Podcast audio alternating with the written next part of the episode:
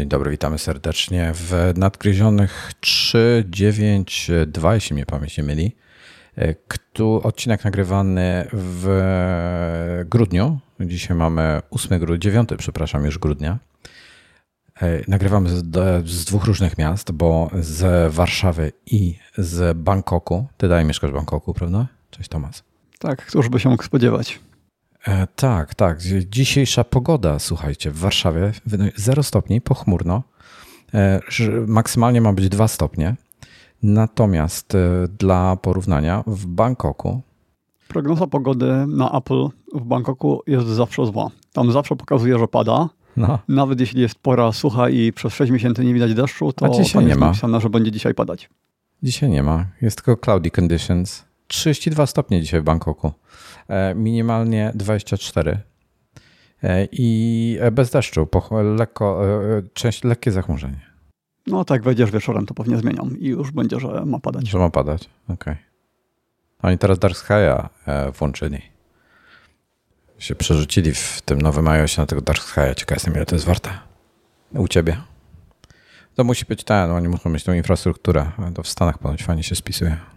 Łącznie z tymi ostrzeżeniami co do tam paru minut. No jestem wierny Carrot Weather, ale spróbuję tego, mm, tej nowej pogody.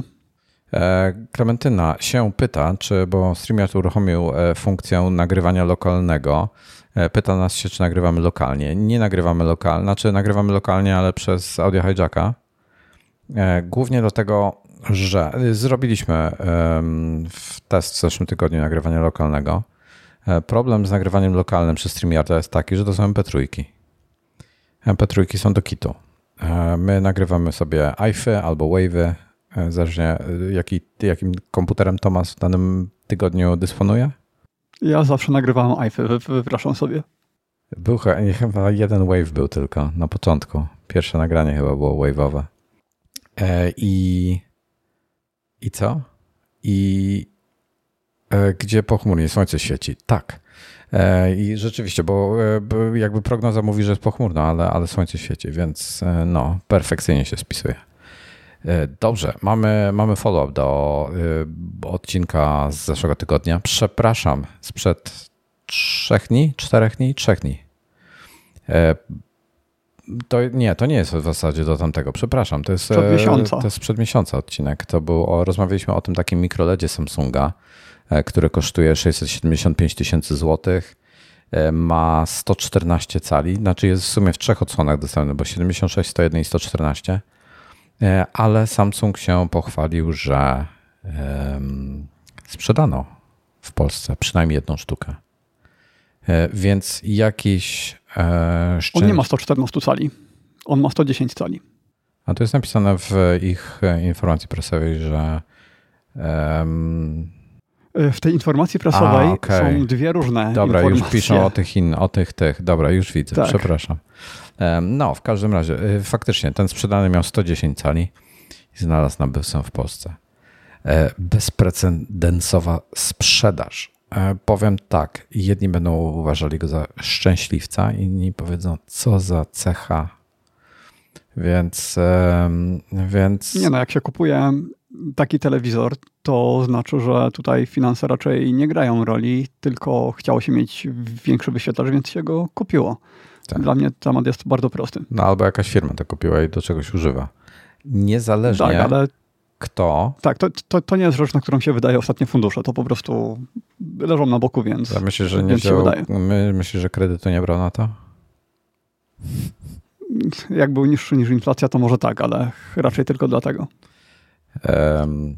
Ja, jakby co, to ja mogę podjechać i obejrzeć. Jakby ktoś miał, chciał mnie zaprosić, to ja mogę popatrzeć, ocenić, potem mu Różnica powiedzieć. to jest bardzo dużo, no bo 98 cali kosztuje w okolicach 60 tysięcy, a tutaj za 12 cali więcej y, jest dziesięciokrotnie większa cena.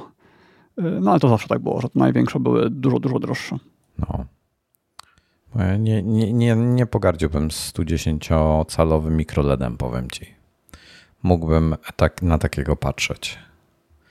E, dobrze, i follow-up mamy do um, tematu Dysona, który był, o którym było głośno z okazji 1 kwietnia, z okazji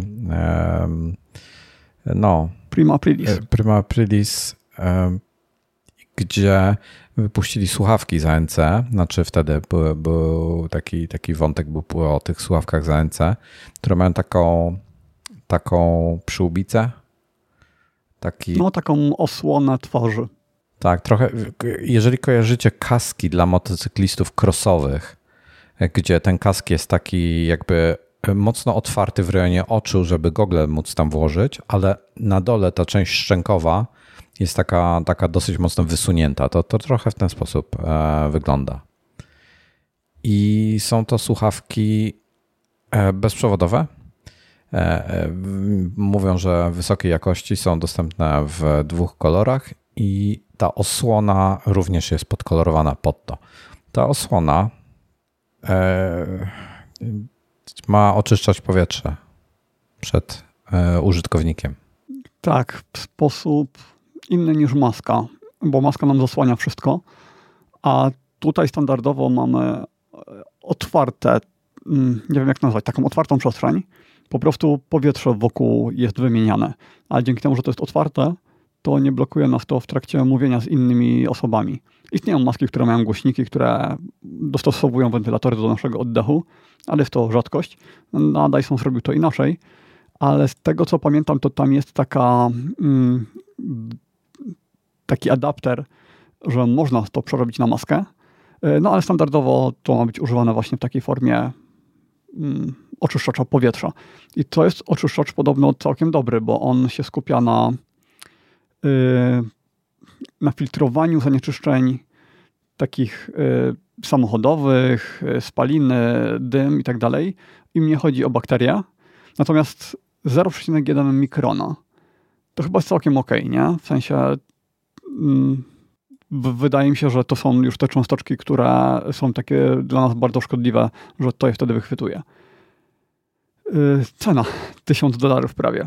Tak. E, no i to będzie blokada. E, to będzie, znaczy tak, e, to i to, że ludzie się będą wstydzili w tym chodzić, szczególnie w Polsce. Nie, nie będą. W, w Polsce będą. W innych krajach być może nie, w Polsce będą. W Polsce ludzie się wstydzili w maskach wychodzić, jak, jak, jak był ten. W maseczkach w sensie. Mhm. dobra. Jest tak. Filtry elektrostatyczne y, mają działać, czyli tam zapewniać ochronę do 12 miesięcy przed wymianą, czyli dosyć długo, raz, raz do to roku. Super wynik. Dla porównania, maska LG, y, część filtrów ma wymienianych chyba co. Jeden taki filtr ma wymieniany bodajże raz w miesiącu, a ma też takie mniejsze filtry wymieniane chyba codziennie czy bardzo często w każdym razie. Pamiętam, że obsługa takiej maski miesięczna kosztowałaby ponad 50 dolarów. E, w ten filtr cały um, w, w, Dyson twierdzi, że one będą blokowały 99% e, particles, czyli e, cząsteczek. cząsteczek. I właśnie jak wspominałeś, do 0,1 mikrona. Natomiast w informacji prasowej mówią, że głównie chodzi o filtrowanie zapachów i ogólnie tych, no. Zanieczyszczeń powietrza. Za, fumes i tak dalej I, i, i zanieczyszczenia też, ale chodzi o y, zapachy i, i wszelkie inne jakieś takie rzeczy, co, co towarzyszą temu y, w miastach i tak dalej, e, a niekoniecznie y, bakterie czy wirusy. Więc tak, żeby to jest ciekawe, bo jasne. normalna maska zapachów raczej nie filtruje te zapachy tak czy tak. Często Czyli ona musi mieć czuje. jakiś karbonowy filtr sobie też. Mhm. Tak podejrzewam. Nie, jakby nie ma o tym informacji. Dobra, e, czas pracy na baterii. E, do słuchawek zaraz przejdziemy. E, czas pracy na baterii wynosi do 50 godzin słuchania na Bluetooth i przy czym jak się włączy ten, to oni to visor nazywają, czyli taka właśnie, nie wiem jak jest w sumie visor po polsku, aż sprawdzę. Wizjer, ja bym powiedział, ale... Właśnie nie, to nie jest wizjer. Przyłbica. Dokładnie przyłbica. To jak się to włączy na, na najwolniejsze e, ustawienie, to y, czas pracy na baterii spada z 50 do 4 godzin. Nie od 4 godzin do 4 godzin. E, na ustawieniu e, średnim do 2,5 godziny, na ustawieniu wysokim 1,5 godziny. Więc zużywa to bardzo dużo prądu. I ciekaw jestem, ile ważą te słuchawki, bo nie ma o tym informacji. I to mnie zastanawia, jak oni stwierdzili, że w takim czasem używania to się nadaje do sprzedaży. Zakładają, bo... że ludzie to będą włączali tylko, wiesz, chwilowo, jak jest potrzeba? No nie mają wyboru w takim wypadku.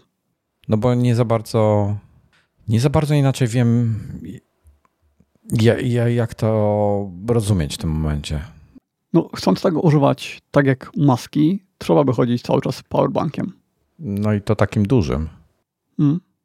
Trzy godziny ładuje się do pełna, tak a propos. No, czyli szybciej rozładujesz niż naładujesz, więc też słabo. E, dobrze, teraz tak, jeśli chodzi o jakość dźwięku, e, ciężko nam się wypowiedzieć, bo nikt chyba nie testował tego jakoś tak e, dogłębnie jeszcze. Mm, nie, nie, nie wiemy za bardzo, jak będą grały. Wspierają Bluetooth 5, tyle wiemy. Nawet nie wiemy, czy będzie miał multipoint, czyli że będzie można łączyć większą ilość urządzeń. Liczbę, nie ilość. I co jeszcze? I w zasadzie Tyle, tyle w tej chwili wiemy. E, wspominałeś o cenie. E, tak, no, 1000 dolców to jeszcze byłoby uzasadnione, gdybyśmy mówili o i słuchawkach no, high-endowych, bo same słuchawki potrafią być bardzo drogie. I maska to powiedzmy z 100-200 dolarów taka, mm, taka lepsza. Ale, no i Dyson oczywiście, więc też marża odpowiednia. Ale przy tej pracy na baterii to jest dla mnie nie, niezrozumiałe, Y, że wypuszczałem coś takiego i bardzo się zastanawiam, kto to będzie kupował, no bo wtedy się to kupuje raczej dla tej muzyki, a nie dla funkcji oczyszczania. Bo można używać słuchawek bez maski, ale nie można maski bez słuchawek. Te elementy filtrujące są w słuchawkach. Dlatego też taka konstrukcja dziwna. No nie wiem, to by trzeba po prostu potestować, zobaczyć, jak to się spisuje w akcji, ale jak dobre by to nie było, to dla mnie ten czas pracy na baterii to jest absolutna dyskwalifikacja. Jeszcze nie, nie wiem, czy wspomnieliśmy o tym, o dwóch rzeczach. Po pierwsze, ten czas pracy na 50 e, godzin to jest z włączonym ANC, bo sławki mają ANC. Chyba nie wspominaliśmy o tym. E, I, tak mówiłeś. I w, w puszkach jest filtr. I właśnie to powietrze jest zasysane przez puszkę i przez tą przyłbicę jest wypychane przed twarz. Ciekaw jestem w ogóle, jak, jak to czuć jak ci cały czas wieje na twarz. Mhm. Tego, jest, tego jestem ciekawy. No i Dyson raczej nie jest znany z tego, żeby mm, ze słuchawek. E, I zastanawiam się też nad ich wagą, bo podejrzewam, że to nie będzie lekkie. Wiesz, ludzie narzekają, zobacz jak ludzie narzekali na Maxy, AirPods Maxy. Tak. A nie wiesz, że to będzie lżejsze. No, to są albo są dwie opcje. Albo dźwięk będzie musiał być słaby, albo waga będzie musieć być odpowiednia. Hmm. No ciekawy jestem. No, to, chętnie bym ta to przyłbica, Zależy jaka ta przyłbica będzie ciężka, natomiast y, jeśli nie będzie bardzo lekka, to środek ciężkości będzie przenoszony do przodu, co sprawi, że generalnie słuchawki będą się wydawały dużo cięższe niż inne słuchawki o takiej samej wadze bez tej przyłbicy. Dokładnie. Dokładnie tak. No zobaczymy, zobaczymy jak to, jak to wszystko wyjdzie. Hmm. No i to chyba tyle o nich, bo tak Nic. naprawdę tak. trzeba testować. To znaczy spe, A, mamy sprecyzujmy, te nowe informacje. Bo powiedziałeś 1000 dolarów. E, no, 949. Tak, 949, bez podatku. O, czyli ponad 1000, ok. Czyli będzie trochę ponad, zależy od no stanu. Tak. E, bo tam ile jest? 8, Polsce... 7% chyba najniższy jest w Stanach, czy, czy coś takiego. W Polsce 7000? Cholera wie, no. No, nie, nie ma, sprawdzałem, nie ma jeszcze ceny e, polskiej MSRP. Więc no, nie spodziewałem się, że było taniej niż 5. No, na pewno nie.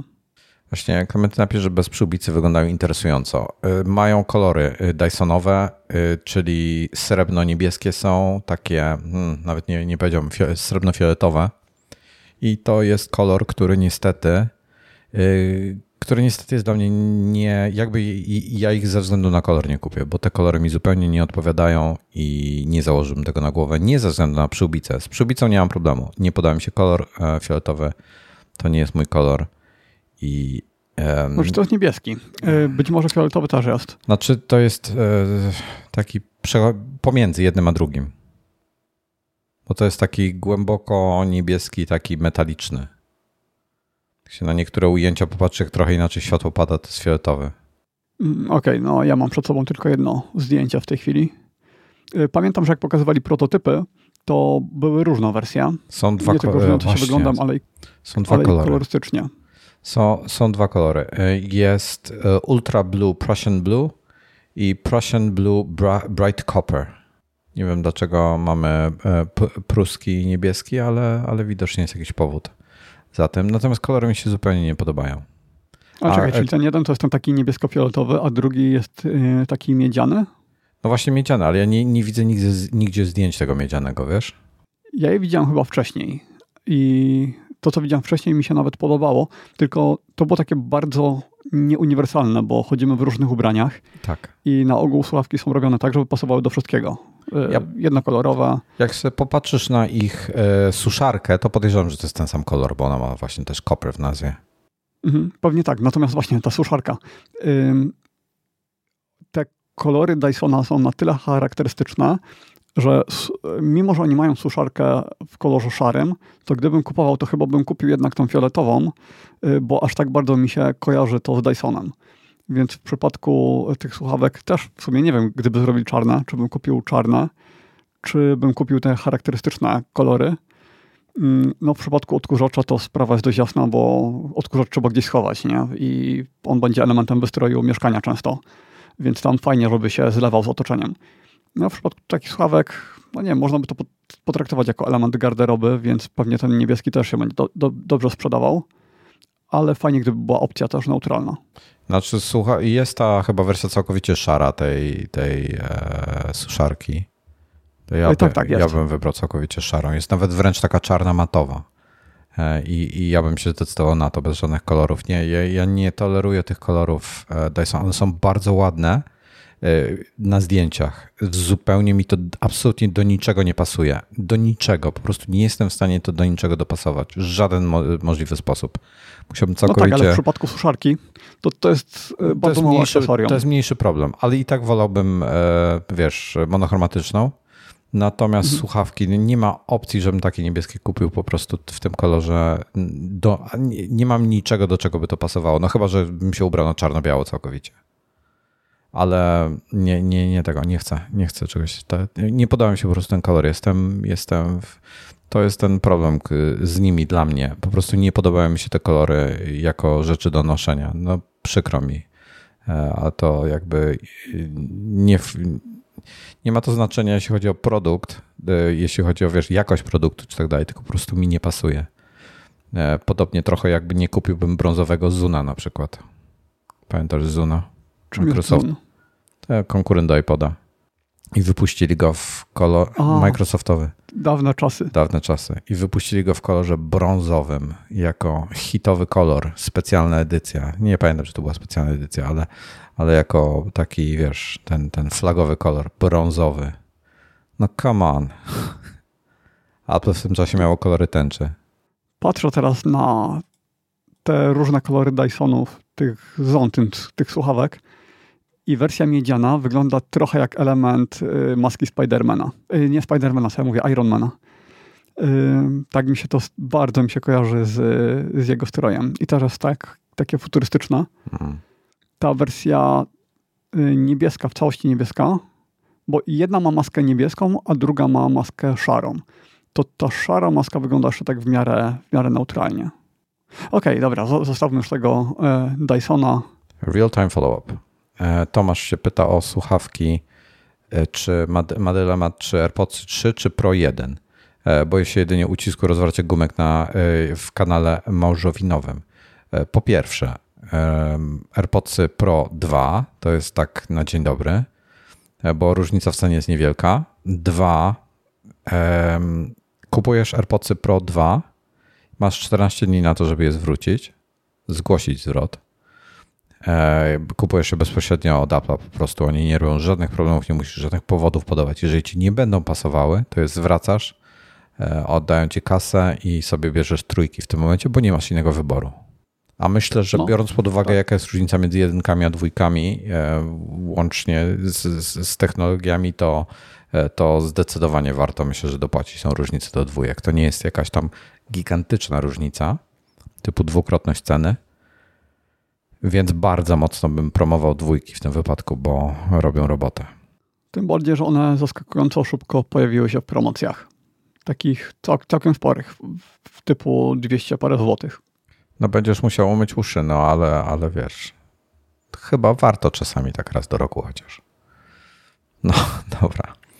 E, to tyle chyba, jeśli chodzi o follow-up. Nic więcej nie mamy dzisiaj.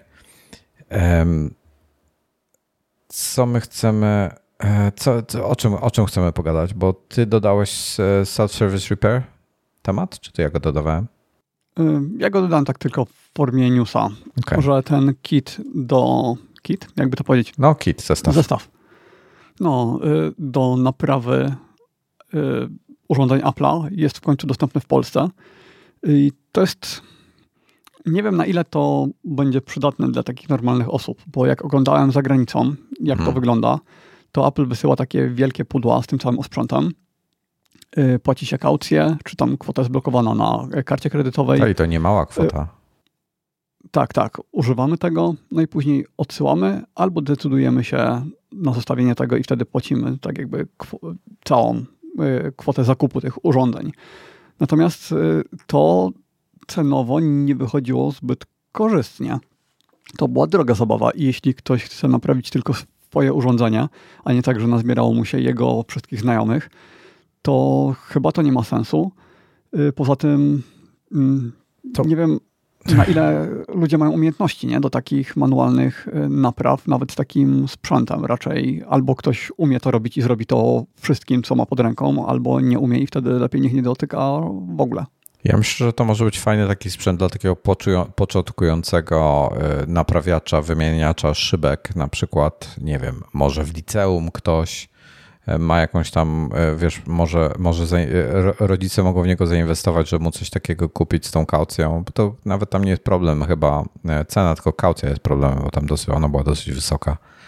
I on może sobie wtedy, wiesz, tam wszystkim kolegom ponaprawiać i potem zwrócić sprzęt, trochę sobie na tym zarobi, albo ktoś otwiera jakiś sklep i nie ma kasy na sprzęt, żeby się wyposażyć, to może, może to rozważyć. Jakieś no, tego typu pomysły, bo jak się popatrzysz na. Widziałeś może. Nie pamiętam, kto to robił. Nie wiem, czy nie. Um, Lewis, Lewis on jest? Rossman?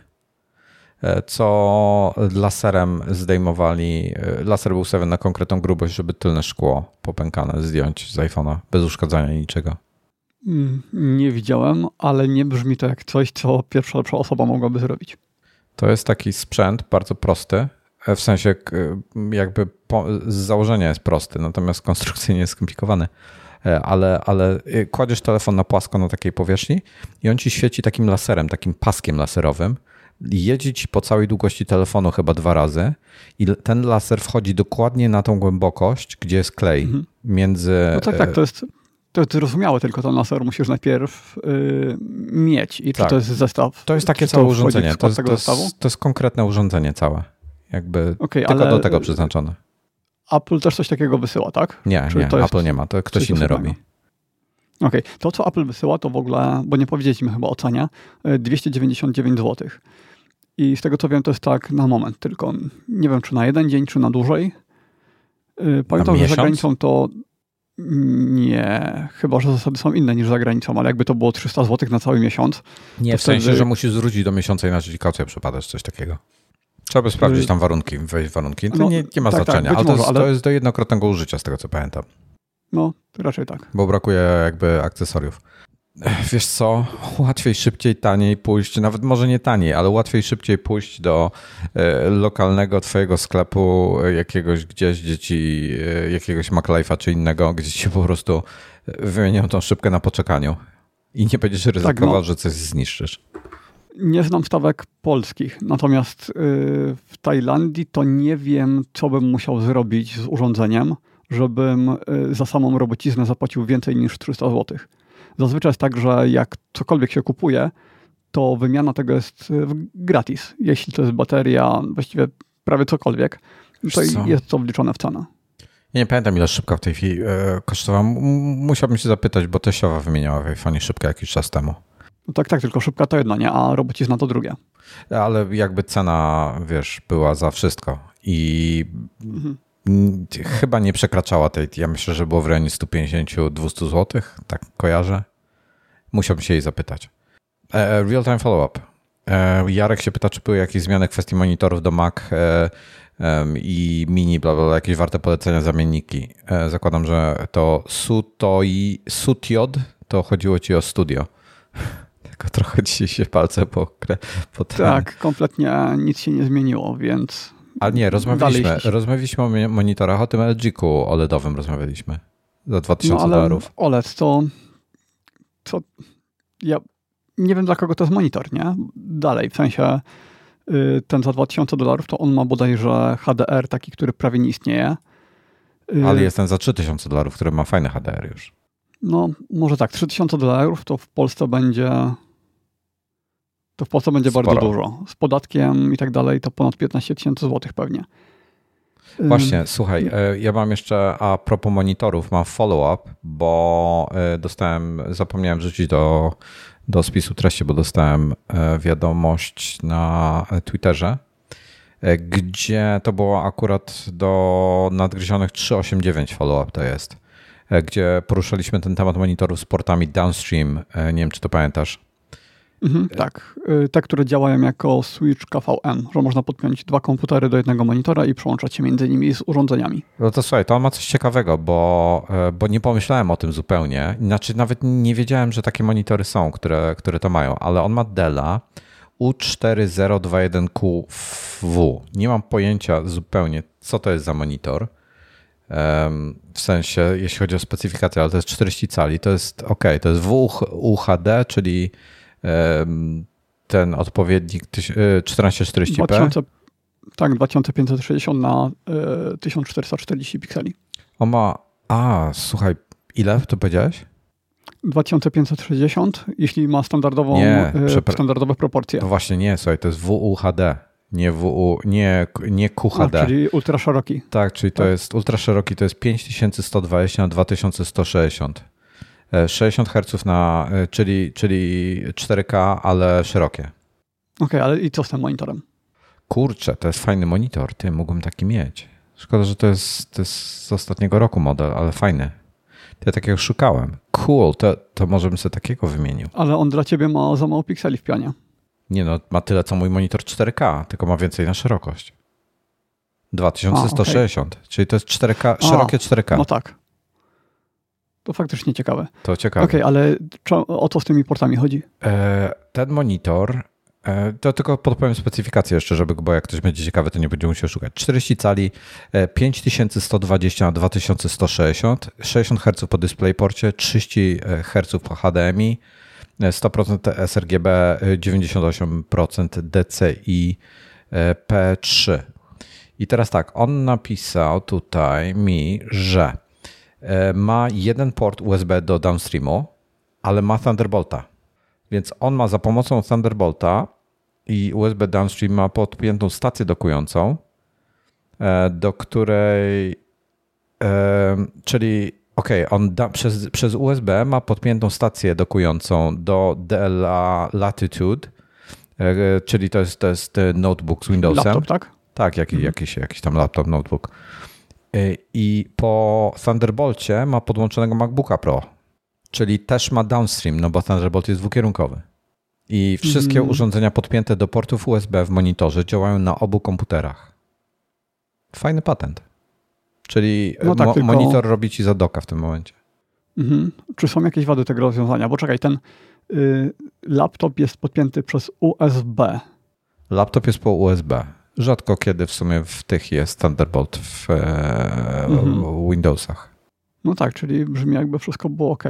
Znaczy zależy co chcesz konkretnie podpiąć. Jak coś byś chciał po Thunderbolcie podpiąć, no to siłą rzeczy musisz mieć jakiegoś Windowsowego laptopa z Thunderboltem. No inaczej no tak, się tak, nie da. ale switchy KVM Thunderboltowych to chyba na ogół w ogóle nie ma. To musi być wtedy jakaś stacja dokująca taka poważna. Dobra, ja powiem, jak, ja powiem Ci jeszcze, jakie to ma ciekawe. porty. Bo jest tak, dwa razy HDMI, które w zasadzie chyba nadają się tylko do tego, nawet za bardzo nie do konsoli, bo to jest nie, nie, przy pełnej rozdzielczości. Chyba, że do możesz, oglądania filmów. Tak, chyba, że możesz ograniczyć go do 4K i wtedy masz 60 Hz, jeżeli tak rzeczywiście jest. Czyli miałbyś czarne pasy po bokach, ale w tym momencie mógłbyś na przykład jakieś Apple TV podpiąć albo coś. Um, czyli ma Dwa razy HDMI, Thunderbolt 3, Upstream DisplayPort 1.4 Alt Mode do 90 W, USB-C 3.2 Gen 2 e, do 15 W e, i USB Upstream typ, e, typ B i ma 4 razy USB 3.2 jeszcze i nawet już nie wiem, czy to jest USB 3.2 Gen 2. Już tak napieprzyli z tymi nazwami, że już nawet nie wiem, czy to, to jest, jest wtyczka A, czy wtyczka C. To jest wtyczka C, która ma 1 giga. Nie 500 mega, tylko 1 giga, z tego co pamiętam. I... Czy 10, czekaj, nie, nie, nie, czekaj, bo to jest nie 5, tylko 10, tak miałem powiedzieć. Tak, built-in tak. device tak. USB, USB 3.2 Gen 2 to jest hub USB-C konkretnie. I ma, czyli ma cztery porty tutaj w tym e, jakby hubie i jeden port też USB-C z battery charging 1.2. Nie wiem, co to jest za standard battery charging 1.2. E, I ma, o, to jest ciekawe, ma jeszcze e, Ethernet, więc możesz Ethernet sobie wpiąć do monitora. To jest fajny monitor, powiem ci. To jest naprawdę nie głupi monitor. W Znaczy, trzeba by zobaczyć, jak on świeci czy nie plamy i tak dalej, ale sama specyfikacja brzmi dobrze. Tak, specyfikacja brzmi bardzo fajnie. E, wiesz co, nawet myślę tutaj, wiesz, ty do zdjęć czy coś, to, nie, nie, no to wiadomo, niekoniecznie. Ale... Natomiast wiesz, taki bardziej casualowo do pracy, do grania, to myślę, że może być bardzo fajnie. Mhm. A ile on kosztuje? 2000 e, dolarów. No tak, za taką specyfikację to się wydaje bardzo sensownie wycenione. 2100. E, Przełączę się na, na 2080. Przełączę się na język polski, bo gdzieś tutaj, e, bo no kurczę, musi być chyba dostępny w Polsce, skoro on go ma. Chyba, że on nie, nie, nie mieszka w Polsce. Przejdę na Dell polskiego. No, ale Dell ma ogólnie dość fajną dystrybucję na całym świecie. Wszystkie monitory do domu. I w ogóle monitory Della to w tych takich właśnie standardowych monitorów korporacyjnych, biurowych, to Dell jest marką, do której mam najwięcej zaufania. Na pewno dużo więcej niż do Benku, do, do Samsungów, LG i wszystkiego innego. Mi się w Dellu bardzo podoba ich polityka, jeśli chodzi o ten, o serwis, wiesz? Mhm, że tak. oni tam w ciągu y, typu jakiegoś tam jeden dzień roboczy chyba, czy coś takiego. Tak, w tej wersji biznesowej y, tak. I to na miejscu u ciebie naprawiają. Y, wiesz, że go nie ma tutaj? Nie ma go w tej chwili w ofercie mm. polskiej. Przynajmniej go nie, nie mogę znaleźć. Nie ma w ogóle... mi się podoba też to, no. że te switche KVM są tam w miarę powszechne.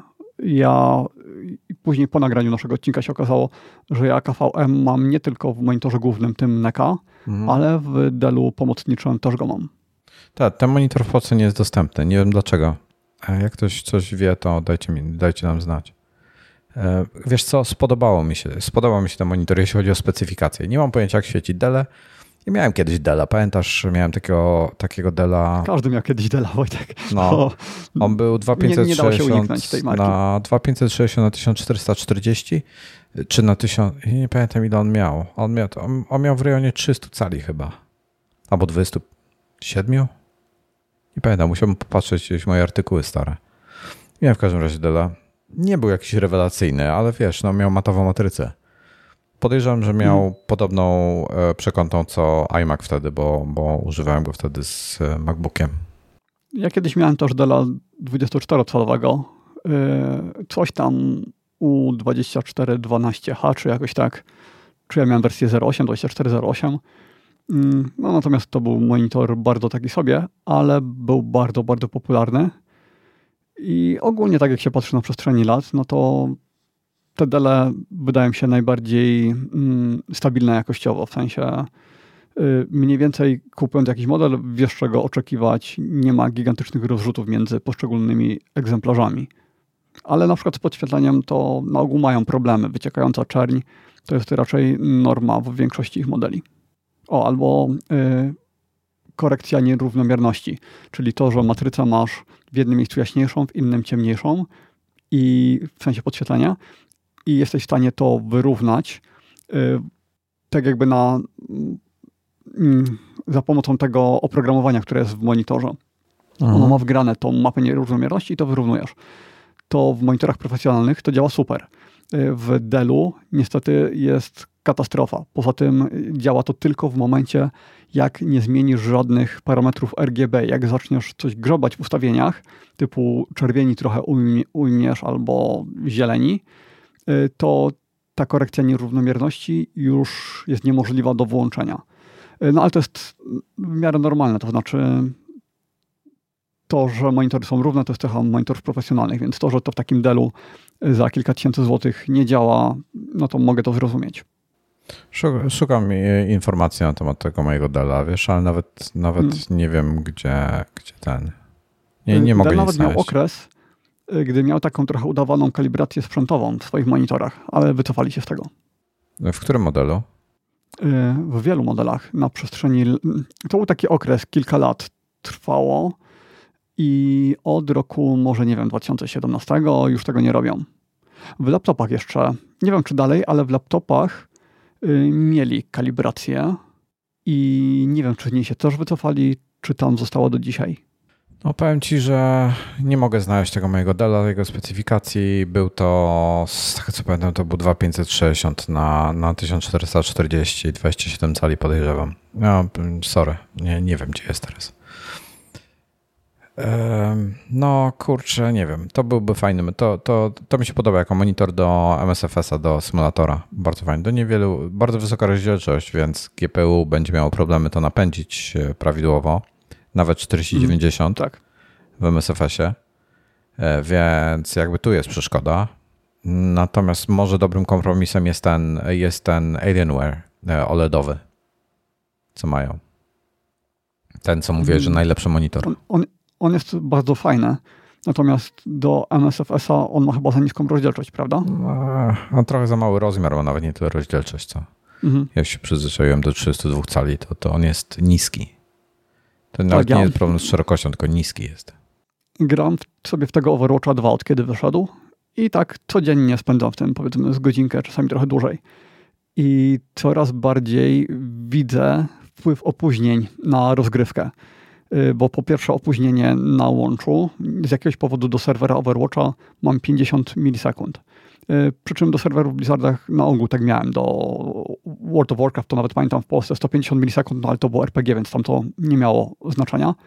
W Overwatch mam 50 milisekund. Na myszce pewnie mam jakieś opóźnienie, bo to jest myszka Logitech MX Master 3, więc 30 milisekund, może nawet 40. Y, na monitorze, no monitor na graficzny to i tak mam chyba jeden z najszybszych, więc y, no ale jakieś opóźnienie będzie. I są takie akcje, kiedy wciskam przycisk na myszce, żeby włączyć ten taki super atak, który się ładuje, ładował przez ostatnie kilka minut ale wróg zauważył to i od razu zrobił albo jakiś kontratak, albo wręcz od, najgorzej, kiedy jest odwrotnie. Ja widzę, że wróg coś robi i chce zrobić kontratak, no i ja to widzę za późno, że on to chce zrobić. Gdybym to widział te 150 y, milisekund wcześniej, to wiem, że ja bym wygrał ten pojedynek, ale te 150 milisekund różnicy sprawia, że to już jest za późno, że już ten jego atak wchodzi, a mój nie i y, wtedy fajnie byłoby mieć szybszy sprzęt, no ale to w sensie z mniejszymi opóźnieniami, ale to trzeba by wymienić y, wszystko. Monitor, y, myszkę, 50, a łącza nawet nie mam jak. 50 milisekundowy lag, jeśli chodzi o opóźnienie do serwera, to nie jest problem, bo tam i tak jest kompensacja włączona. Natomiast monitor... Ale to jest tak, że w FPS-ach w okolicach pojedynczych milisekund się ma w Counter-Strike'u i w takich grach? E, w sensie połączenie, chodzi ci o, o prędkość, o, o, połączenie z serwerem, w tej chwili o tym mówisz? No ping, ping w Counter-Strike'u, jak sobie e, mierzysz. Jak, wręcz jak masz wyższy ping, to masz zaletę. Jak masz przewagę o. nad graczem z niskim pingiem. To ciekawe, to okay. po, Poczytaj y- sobie o tym, jak działa kompensa, kompensowanie i, i, i wyrównywanie szans, żeby ci z wysokim pingiem też mogli grać. Dobra, ale w pewnym momencie to się przestaje sprawdzać, bo y, często mam tak, że pierwsza gra, loguje się do Overwatcha i pierwsza runda to jest ping 250-300 milisekund. Nie wiem czemu, ale tak jest. I wtedy y, ja wiem, że przeze mnie moja drużyna może przegrać, bo to są opóźnienia na tyle duże, że ja je bardzo odczuwam, wciskając przyciski, y, reagując na to, co się dzieje wokół mnie. Utrudnia mi to grę. Ale w momencie, kiedy jest 50, no to ja faktycznie tego zbytnio nie czuję, ale widzę czasami tą... A czemu ty masz taki lag do serwera? Y, no właśnie teoretycznie nie powinienem mieć. To jest chyba problem Overwatcha, nie, nie mój, bo to jest tylko w pierwszej rundzie. W drugiej rundzie prawie zawsze już wchodzi normalny ping. Ja, ja bym rozważył, że to jest problem twojego operatora, dostawcy internetu. Mm, ale to dlaczego by to było zawsze w pierwszej rundzie Overwatcha, a w kolejnej już nie? Nie wiem, może on cię przełącza wtedy na jakiś nie inny zawsze. routing. Jak, jak wykrywa potem już wiesz, że to jest Overwatch. Hmm, nie wiem, to, to, też nie jest tak, że tak, tak, jest zawsze. To, się, to są takie serie, że na przykład przez ostatnie dwa dni tak miałem, a przez wcześniejszy tydzień nie. To byłby powód, tygodnie temu, to co mówisz, tak. to jest dla mnie powód, żeby nie grać w to. Mm, nie, to ja myślę o czym innym, że pierwszą rundę będę sobie odparał w trybie niekompetytywnym, tylko w takim, tak jakaś rozgrzewka, a później po chwili już przechodzić do tego trybu, gdzie są rangi. Poza tym ja gram na poziomie takim mega amatorskim, bo y, po pierwsze od lat nie grałem w takie gry, y, po drugie Overwatch 2 bardzo dużo zmienił y, pod względem rozgrywki, jest dużo bardziej agresywna, a ja na początku starałem się grać bardziej tak jak kiedyś w Overwatcha pierwszego. Więc najpierw się zakwalifikowałem do bardzo niskiej rangi i uczyłem się w ogóle postaci, którą grałem. No i później dopiero się piąłem A przez czemu, cały sezon czemu ty nie, nie pograsz Valoranta? Nie mówię, że Grałem, nie podobał mi się. CSGO, Dla mnie Valorant to był, to był taki bardzo, bardzo dużo gorszy Overwatch. Overwatch to jest dla mnie gra, sorry, jakby nie... nie dla dzieci, wiem. Nie, to jest dla dzieci. E, Valorant jest po, połączeniem CSGO i Overwatcha, jakby tak, takie, wiesz, cech jednego i tak. drugiego. I jak już Ale tego typu nie gry... Dzieci. To jest naj, Przynajmniej naj... nie na tych serwerach tutaj. No, to jest najfajniejszy taki kompromis dla mnie. Już Overwatch to już dla mnie jest, to jest masakra. To, Ale bo tobie chodzi jest... o grafikę pewnie. Nie, Natomiast nie. sama rozgrywka... Nie, chodzi mi o rozgrywkę. Mi chodzi o to, że to jest fantastyka. Nie ma nic tam rzeczywistego w tym Overwatchu. A, no tak, tak. No. Y, natomiast dzięki temu, że to jest fantastyka, to te postacie mogą być niesamowicie zróżnicowane, może ich być bardzo dużo. Y, mogą też robić te rzeczy wszystkie płatne, które mnie nie interesują ale na których oni mogą zarabiać, y, typu skiny do postaci.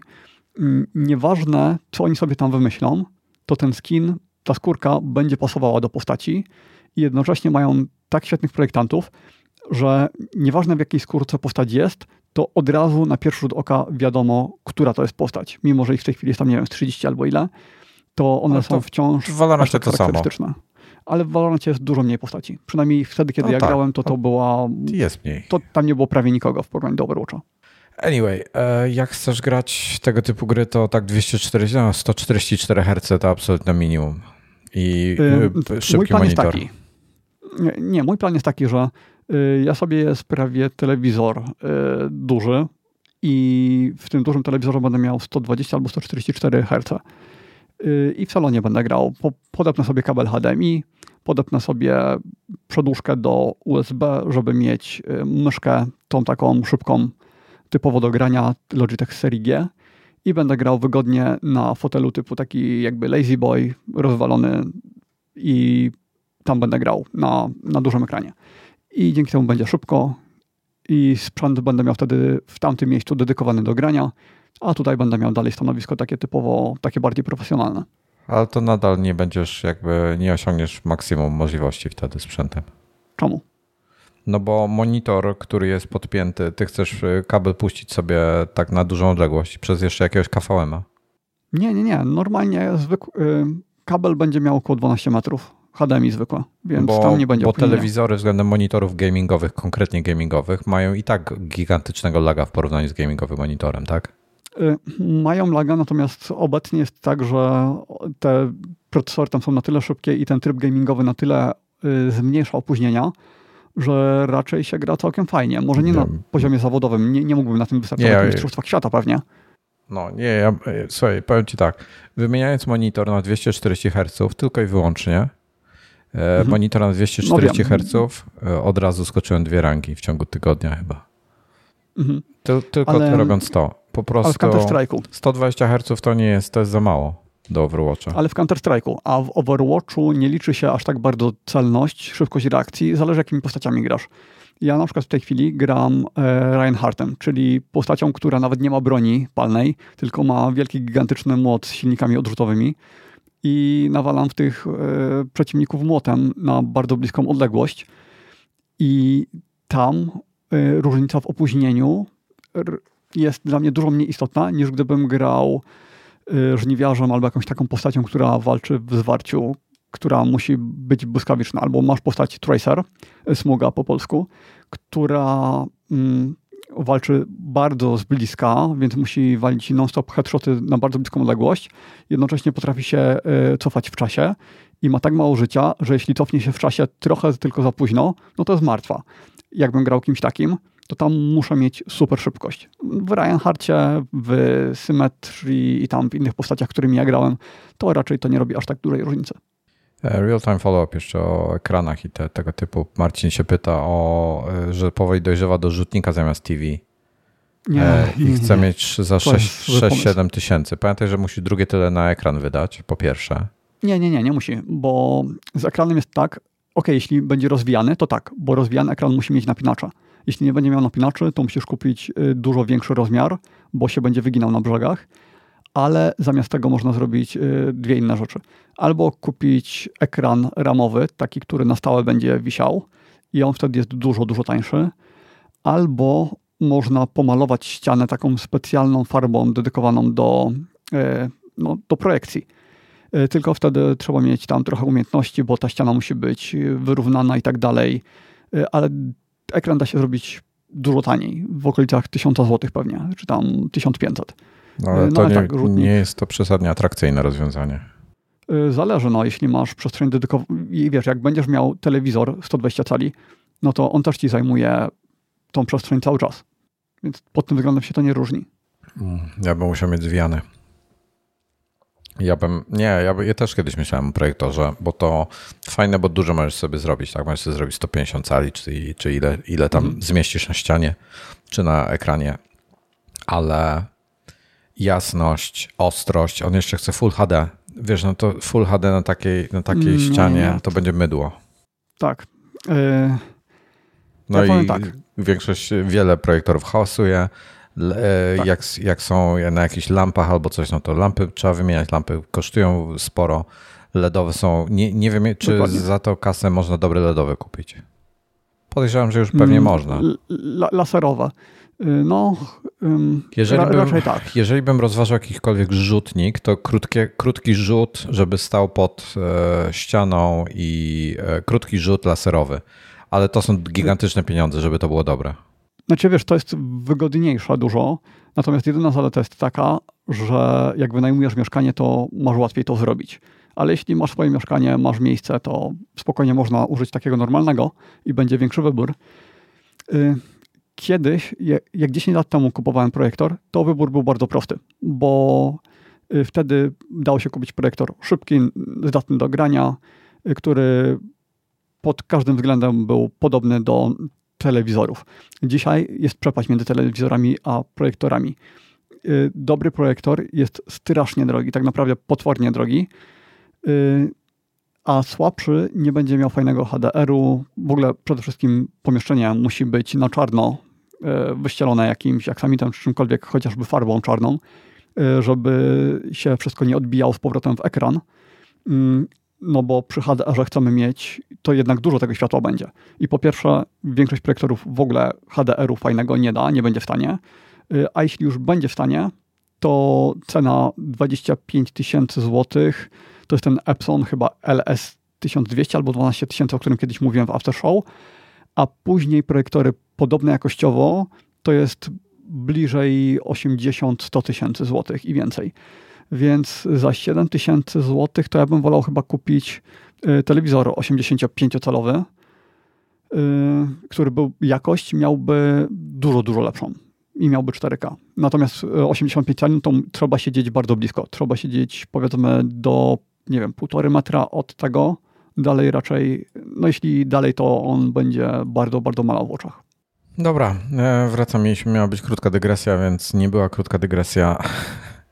E, pogadajmy trochę o Apple'u, o szyfrowaniu end-to-end. -end. Szczerze, nie sądziłem, że to kiedykolwiek nadejdzie z, z różnych względów. Natomiast iCloud opcjonalnie, to zależy od użytkownika, będzie szyfrowany end-to-end, -end, co jest w ogóle niesamowite. E, o co chodzi?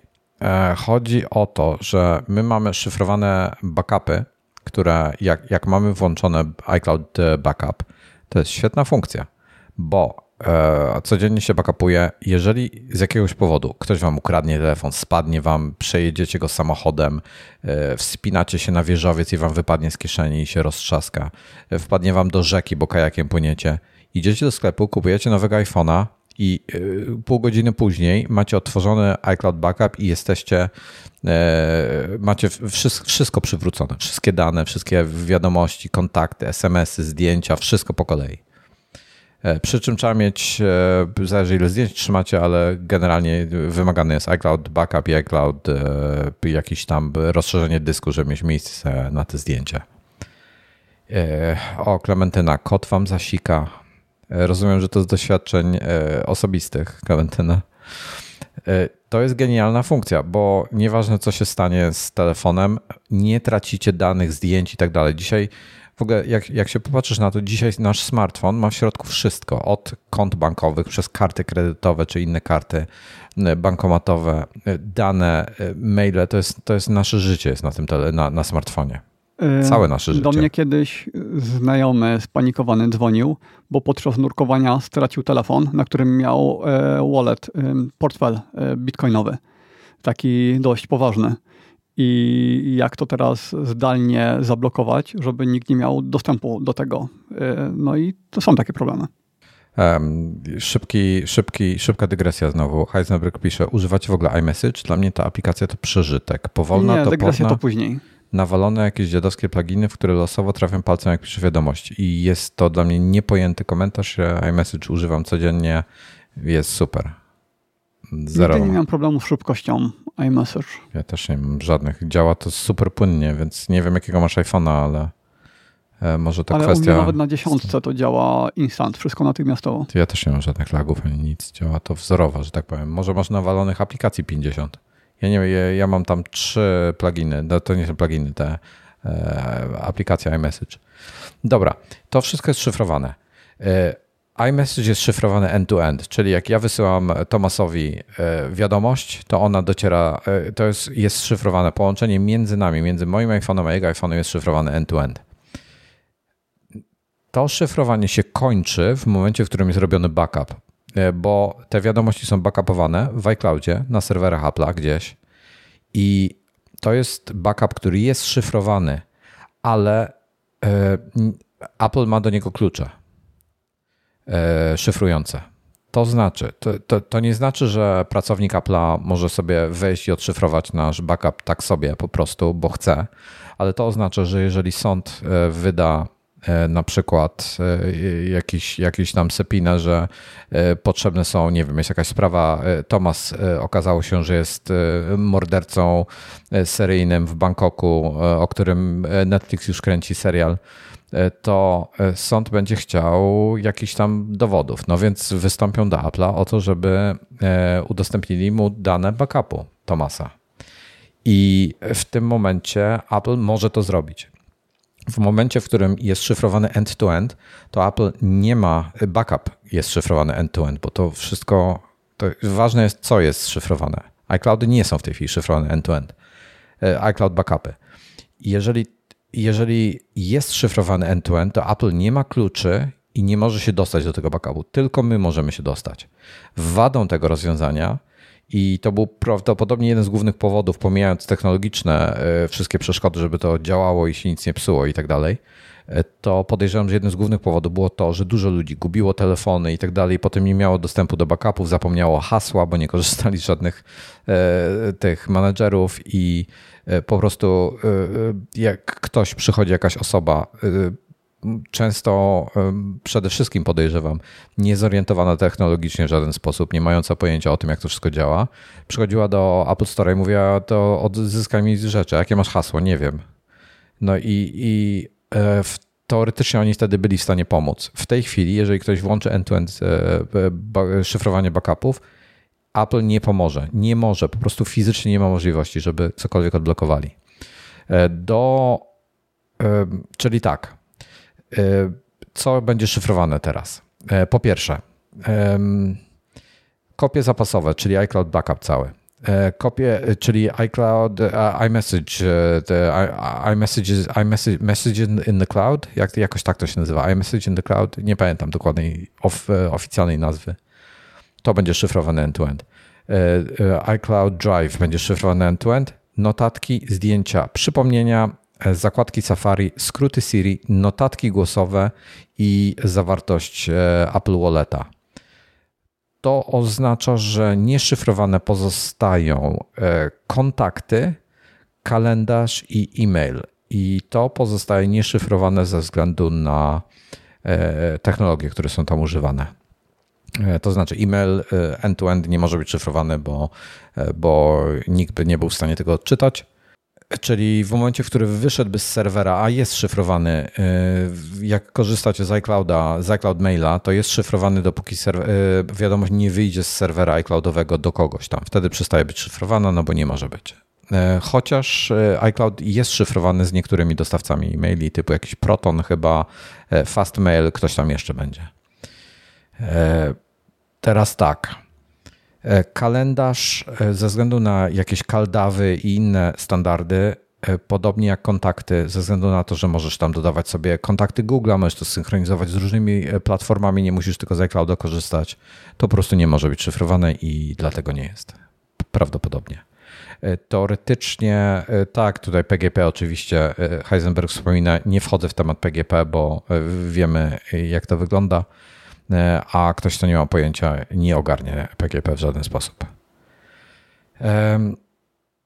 No i Jarosław pisze, że powoli rozważa kupienie drugiego smartfona, który będzie leżał w domu zbackupowany. To jest całkowicie, to nie ma żadnego sensu, bo... To nie lepiej backup mieć na komputerze? Ale ten backup, ten smartfon, który będzie zbackupowany, to byś musiał codziennie przywracać go z backupu, który jest z twojego głównego telefonu, bo on będzie miał inne dane, inne, inne rzeczy tam.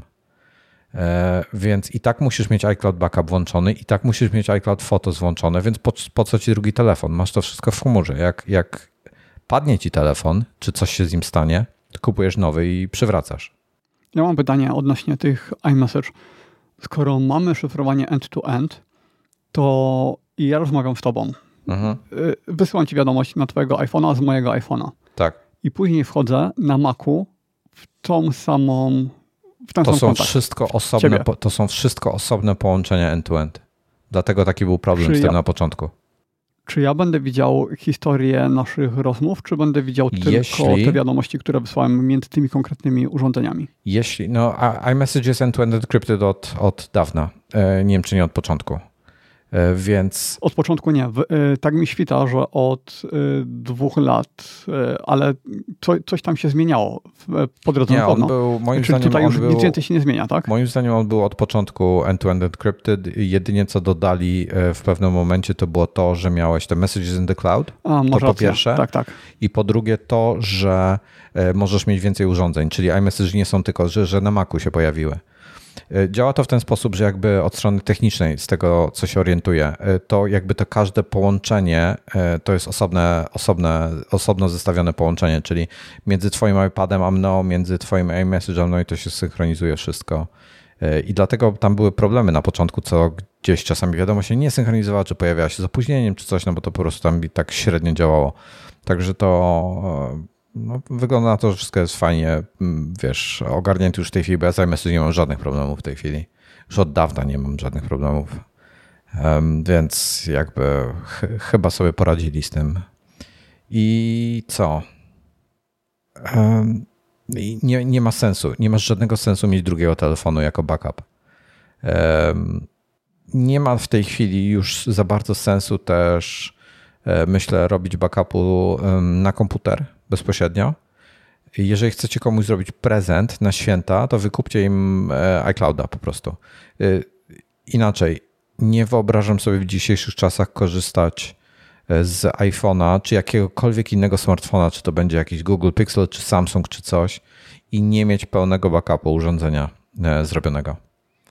Android chyba nie oferuje pełnych, pełnych backupów, takich jak, tak jakby prawie jak Image, jak Apple robi E, wszystkie ustawienia, wszystkie preferencje, wszystkie dane do każdej aplikacji i tak dalej. Apple chyba, e, e, inne, inne, Android chyba tego nie robi. Domyślnie przynajmniej, być może są jakieś aplikacje czy coś, być może któryś z producentów, na przykład Samsung chyba robi pełne backupy. nie wiem jak Pixel. Pixel pewnie też ogarnia wszystkie.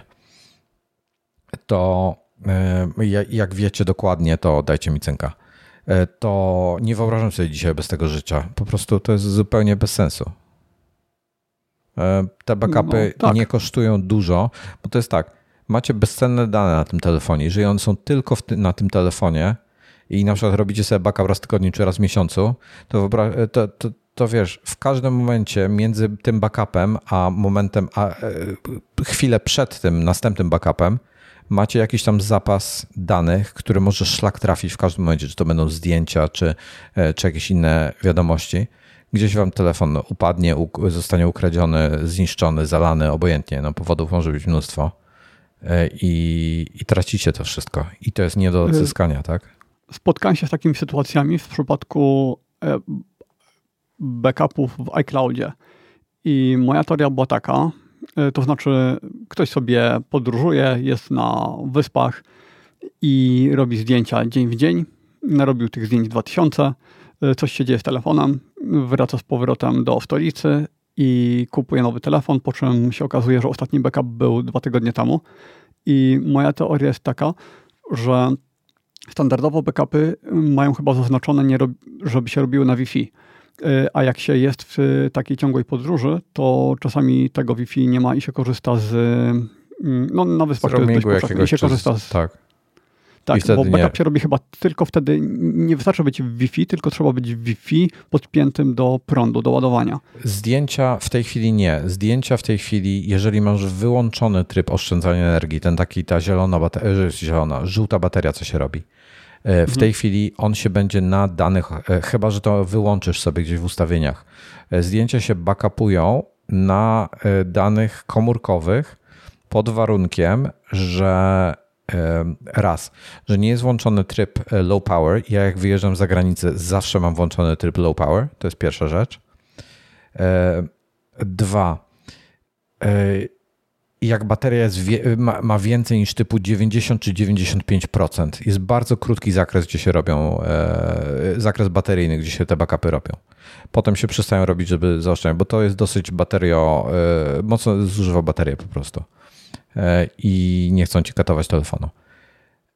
E, natomiast w nocy, jak jesteś podłączony do prądu w tej chwili na danych komórkowych, to będzie robiło backup, o czym się przekonałem, bo e, jak byliśmy na wyjeździe tym 4-5-dniowym, co byliśmy tam w górach, e, pamiętasz parę tygodni temu, to mhm. 18 gigabajtów danych sobie załatwiłem w no ciągu no tak, 4 ale dni. Musisz mieć odpowiednią opcję zaznaczoną, która chyba nie jest standardowa. Ona chyba jest w tej chwili domyślnie, ale może okay. się mylę. Może się mylę. A w tym, w tym, że to się backupuje tylko na prawie pełnej baterii, jest to, to jest aż idiotyczne. Mnie to irytuje, bo robię zdjęcie czegokolwiek, wchodzę do aplikacji na Macu, tak, możesz muszę wejść, musisz ręcznie. wejść. Ale wiesz co, bardziej by cię denerwowało, jakbyś zrobił 2000 zdjęć albo w ciągu dnia kilkaset zdjęć i kurczę, w połowie dnia się patrzysz i masz i 2% baterii. Ale to wystarczyło, żeby wystarczyłoby nie robić tego przy okolicach 90%, tylko na przykład do 60%. Wiesz, jakiś taki e, rozsądny, Fajnie było, rozsądna wartość. Do 60 to nawet to dla mnie już byłoby za dużo. Wiesz, zawsze możesz wejść do aplikacji i wcisnąć resume albo pause. Masz na dole no, przycisk. Pro, problem w tym, że muszę to robić praktycznie za każdym razem. No, musisz, ale ja bym wolał, żeby był jakiś taki zakres, żebyś mógł ustawić. E, ja wręcz myślałem. Że, żebyś że... miał ustawienie. Tylko to nie w stylu Apple'a, wiesz, że oni takich rzeczy nie lubią robić. Tak, ja, ja wręcz myślałem, że to jest kwestia iPhone'a 10, że być może on jest zbyt stary i że te, w tych nowych to na pewno jest poprawione, no ale z tego co mówisz, to, to nie. E, Goldix pyta, czy nie, nie potrzeba jeszcze przestawić w ustawieniach więcej danych w 5G. Nie, bo ja 5G na przykład nie mam, a i tak mi się e, backupuje. Dobra. No to tej synchronizacji to chyba tyle. Mm, chyba tyle. Znaczy to jest mega, tylko pamiętajcie o jednej rzeczy. E, musicie mieć dostęp do swoich haseł. To nie, mo, nie, to nie może być tak, że to jest hasło, które zapomnicie. Tak, e... chociaż da się dodać kontakt awaryjny. Tak. I on nam później pomoże w odzyskaniu tego hasła. Jarek się pyta, czy jak nowy iCloud w przeglądarce, czy notatki już poprawnie działają. No, Tomasz y rozwiązał to kupując Maca, więc... Tak, trzy dni po, po tym, jak kupiłem Maca, więc yy, znaczy trzy dni zanim kupiłem Maca wprowadzili te notatki, więc za dużo ich nie używałem. Ale wyszli z bety, więc powinno być ok. Poza tym Wojtek mówił, że prawdopodobnie problem z notatkami yy, nie wynikał z używania ich przez stronę internetową, tylko po prostu coś tam mia miały gorszy dzień. I, to nawet nie, że notatki miały gorszy dzień, tylko konkretnie ta notatka gdzieś tam przestała nam się synchronizować z jakiegoś powodu. Jak stworzyliśmy nową, to już wszystko było ok. Synchronizacja to jedno, ale y, chodziło o to, że formatowanie nam trochę rozwaliło w pewnym momencie. Właśnie wtedy, kiedy przeszliśmy, no. kiedy ja przeszedłem na y, wersję chmurową. No. E, Klementyna się mówi, że się zastanawia nad drugim telefonem tylko dlatego, że potrzebuje mieć Facebooka do pracy, a nie chce go mieć na swoim codziennym telefonie. Bardzo rozsądne podejście. E, ja bym do tego nie. polecił, e, tak. Nie, ale to dlaczego by nie zrobić tego inaczej? Dlaczego nie mieć osobnej przeglądarki, która będzie tylko do odpalania Facebooka? No można przez przeglądarkę lecieć, jeżeli Klementyna może, ale to musi mieć osobną aplikację jakiegoś tam, nie wiem, Firefoxa sobie zainstalować na przykład i przez niego lecieć. Ale, no, albo Brave'a jakąś taką, która jeszcze maksymalnie ograniczy śledzenie dużo bardziej niż aplikacja Facebooka. Mm, no może, ale wiesz, zawsze coś tam ci śledzi. Potencjalnie rozwiązaniem jest po prostu kupno takiego telefonu e, Androida takiego za 1000 zł czy coś który ma, wiesz, duży ekran, wygodny do pisania i tak dalej, po prostu sobie korzystać. Jest to jakaś opcja. No, zależy, co, co kto potrzebuje. W przeglądarce jest, jest rzeczywiście jakaś opcja. E, co jeszcze mogę, mogę, e, możemy powiedzieć na temat szyfrowania? Powiem tak. Kupcie jedną rzecz, kupcie tego, jeżeli macie iPhone'a, w przypadku Androida to będzie inaczej się nazywało, też są takie odpowiedniki iCloud Backup, iCloud Photo Library. Po prostu to kupcie. W przypadku Apple, ewentualnie Apple One kupcie sobie. Weźcie to, zróbcie, po prostu traktujcie to jako koszty prowadzenia bloga. Bo... To znaczy kupcie, w sensie kupcie tą przestrzeń dyskową. Bo... Przestrzeń dyskową na zdjęcia i, yy, tak. i ten, i to drugie, czyli yy, yy, tak, czyli mm, bardziej się opłaca Apple One wziąć, bo będziecie mieli wtedy już komplet od razu i tak będziecie mieli tą telewizję. I tak tam jest parę fajnych rzeczy do obejrzenia i tak bardzo fajnych. E, muzykę mm. będziecie mieli dobrej jakości. Prawdopodobnie Apple, Apple w tej chwili ma najlepszej jakości audio, jeśli chodzi o, e, o muzykę. Apple Music będziecie mieli. I co jeszcze tam jest? E, parę innych bzdur. Arcade. Apple Arcade, więc jak macie dzieci, to możecie im dać arcade'a, to będzie, będą mieli za darmo gry, bez żadnych tych, bez żadnych, znaczy za czekaj, darmo, czekaj. w ramach subskrypcji. Jakie dzieci? Teraz w Arcade pojawiło się tak, Cells, jedno z najlepszych gier. Tak, FIFA się jakaś pojawiła chyba też, czy NBA. nie FIFA, tylko NBA i jakieś tam inne rzeczy. Tam, więc jest co pograć. Także, także naprawdę rozważcie tego Apple One'a po prostu, gdzie będziecie mieli e, przestrzeń na wszystko i będziecie mogli backupy robić i one się codziennie automatycznie robią i nie musicie o tym pamiętać. Jak cokolwiek się stanie z telefonem, przywracacie. Dziękuję bardzo. To jest obowiązkowa funkcja. Um, um, się pyta, czy end-to-end encryption nie wpływa na dostęp do danych zdjęcia przez przeglądarkę. Nie wiem. Nie, bo e, raczej nie, no bo no Library tak jest teraz szyfrowane i, i działają przez przeglądarkę, więc odblokowujesz je swoim kluczem widocznie. Dobra. E, Orbit Key, Clip V2. O, to jest temat odkładany od miesięcy, od kiedy kupiłem AirPodsy. E, jest taki, bo ja miałem cały czas taką zagwozdkę, jak zamontować e, AirPodsy, tak żeby je mieć zawsze przy sobie, ale żeby nie leżały na dnie kieszeni, bo to by mi przeszkadzało. Y, poza tym chciałem zamontować klucza, takie normalne klucze do domu. Ja tam mam też klucz szyfrujący, taki two-factor authentication klucz i chciałem to mieć zawsze przy sobie, jedno i drugie. Y, najlepiej, gdyby się dało odpinać, najlepiej, gdyby było tak, że AirPodsy zawsze byłyby przyczepione, a klucze, żeby się dało osobno wypinać. No i pierwsze dni z AirPodsami, no to standardowo. Użyłem jakiegoś zwykłego karabinczyka. Dosłownie po kilku dniach miałem dość i e, pobiegłem do, do sklepu kupić mm, Orbiki Clip V2. E, to jest coś, co mi polecono już dawno temu i e, ja wtedy oglądałem recenzję, natomiast nie do końca rozumiałem, o co chodzi z tym, z tym klipem. Bo to jest karabinczyk, który ma taką zawieszkę do kluczy magnetyczną, którą jednym ruchem ręki się odpina. Czyli y, karabinczyk się trzyma spodni czy czegokolwiek plecaka bardzo mocno, tak jak każdy inny karabinczyk. On jest taki dość standardowy. Jest trochę wygodniejszy od tych od zwykłych karabinczyków. Otwiera się e, na maksa. Jest po prostu na maksa praktyczny, jest dobrze zaprojektowany. Ale cała magia jest w tym klipsie, w tym uchwycie na klucze. I ten uchwyt, z niego wystaje taka jakby, no nie wstążka, ale takie, taki krótki, gumowy... Taśma. Coś. Jak? Taśma bym to nazwał. Taka, taka... No, taka taśma, tak. I jak tą taśmę się chwyci, i podciągnie się tak bardzo delikatnie, to klucze z tego odchodzą. Ja to może pokażę do kamery. Nie wiem, czy będę w stanie. Tomasz teraz pokazuje Orbit Key V2 do kamery i e, delikatnym ruchem odczepia jeden element od elementu drugiego. I e, teraz trzęsie kluczami, demonstrując, że nawet mocne trzęsienie nie spowoduje rozszczepienia się tych dwóch elementów bez chwycenia wspomnianej taśmy. Tak, i to tak solidnie e, trzęsę tym. E, dodam, że od kiedy to kupiłem, tak w ramach testów, nawet chodząc po domu, nie odpinam e, kluczy, tylko cały czas mam je przy sobie, żeby sprawdzić, czy to faktycznie jest takie, czy to się trzyma tak, jak powinno. No i tak, trzyma się, w sensie nie, raczej nie sposób jest to odpiąć przypadkowo.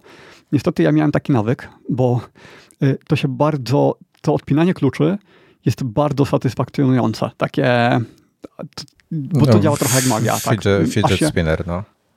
Tak, analizowałem to na wszystkie sposoby w ogóle, jak to jest możliwe, że to się, bo jak, przy, jak się zbliża e, klucze, to ten magnes już tak zaczyna to przyciągać, że one zawsze trafiają dokładnie tam, gdzie powinny, więc nie da się tego zbytnio źle przypiąć.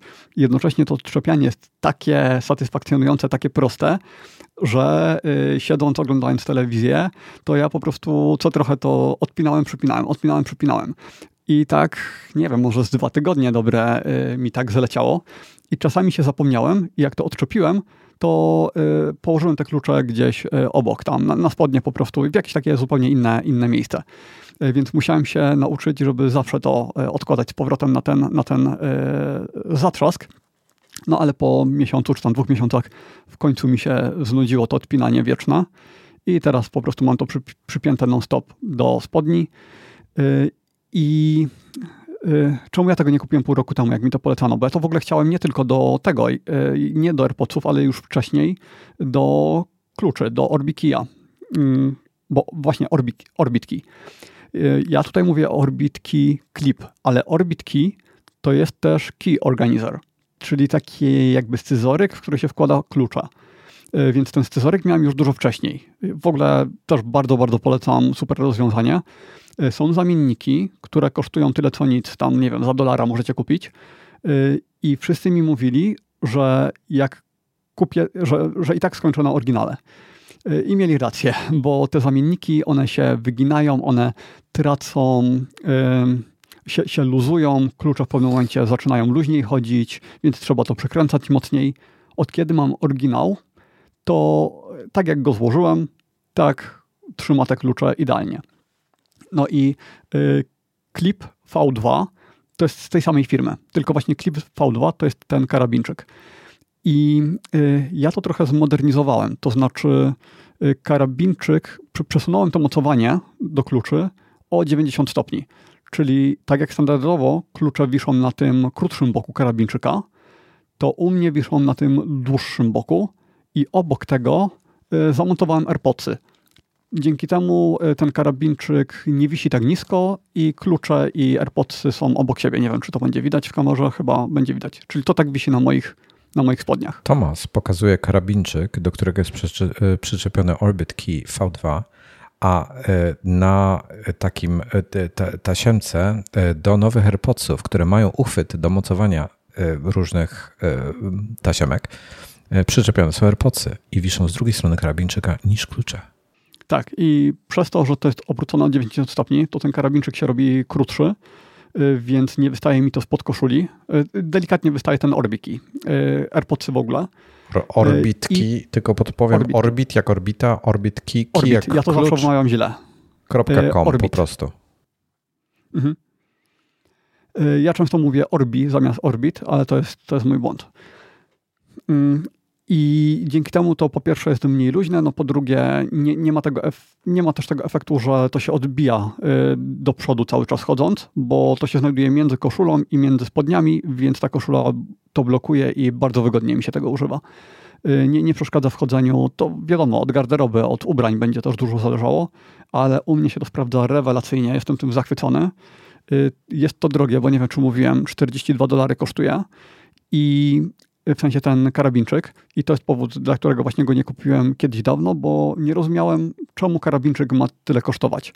Ale na tyle wygodniej się go używa w porównaniu do takiego normalnego mocowania kluczy, że jest to tego warte, bo to jest coś, czego używam praktycznie non-stop, po, po 18 godzin dziennie.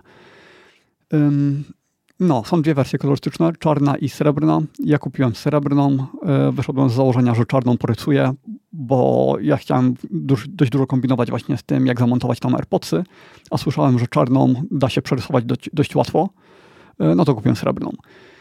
E, I ten system mocowania kluczy też jest dość innowacyjny, bo klucze są zawieszone na takim okręgu, ale tak jak w normalnych okręgach, mm, to jest tak jakby sprężyna bardzo mocno ściśnięta, gdzie trzeba się trochę z nią posiłować, żeby klucz zaczepić, to tutaj jest inaczej. Tutaj ta sprężyna, te kółko jest przecięte w pewnym momencie, że jest wielka szpara, przez którą wkładamy klucze. Ale ta szpara wchodzi do takiego plastikowego uchwytu, do tego uchwytu, którym ściągamy y, to wszystko, y, czyli do tej tasiemki i dzięki temu klucz sam z siebie nie ma jak wypaść, a jednocześnie jego montaż to jest e, dziecinnie proste. Więc pod tym względem też super wygodnie to rozwiązali, ale jest to trochę za wielkie dla mnie, bo ja tam mam wpięty ten, mm, ten organizer i nie potrzebuję tak wielkiego okręgu, bo na ten okrąg bym, nie wiem, z 15 kluczy pewnie zmieścił. Więc docelowo kupię jakiś spinacz, taki gruby spinacz i wyprofiluję go sobie w taki kształt yy, prostokątny i zaczepię w miejsce tego okręgu. Czyli po prostu kawałek druta. Mm, jest jeden kawałek druta, wymienię go na inny kawałek druta. Yy, taki bardziej kompaktowy. I wtedy to będzie w ogóle urządzenie yy, idealne. Urządzenie idealne no, będzie, jak będzie jeszcze można tam gdzieś AirTaga przyczepić. A no właśnie nie, bo e, AirPodsy mają AirTaga, więc... A, w ten sposób. No dobra, okej. Okay. No. Nowe mają rzeczywiście, fakt. Ja miałem wcześniej AirTaga i go odczepiłem od kluczy, kiedy to zamontowałem. Natomiast mm, klucze są ściągane osobno od AirPodsów. Ja to mam tak zrobione. Na początku nie miałem, ale jednak jest to wygodniejsze, kiedy są osobno. Yy, więc teoretycznie mógłbym zgubić klucze, a AirPodsy mieć cały czas przy sobie. Yy, więc gdyby się dało kupić takiego AirTaga w formie pendrive'a, w formie klucza, to być może bym go zamontował do tego key organizera. Ale szanse na zgubienie tego są raczej nikłe. No mimo wszystko fajnie byłoby mieć.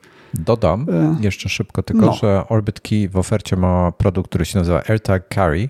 Jest to mhm. taki okrągły w dwóch wersjach, slim i skórzany.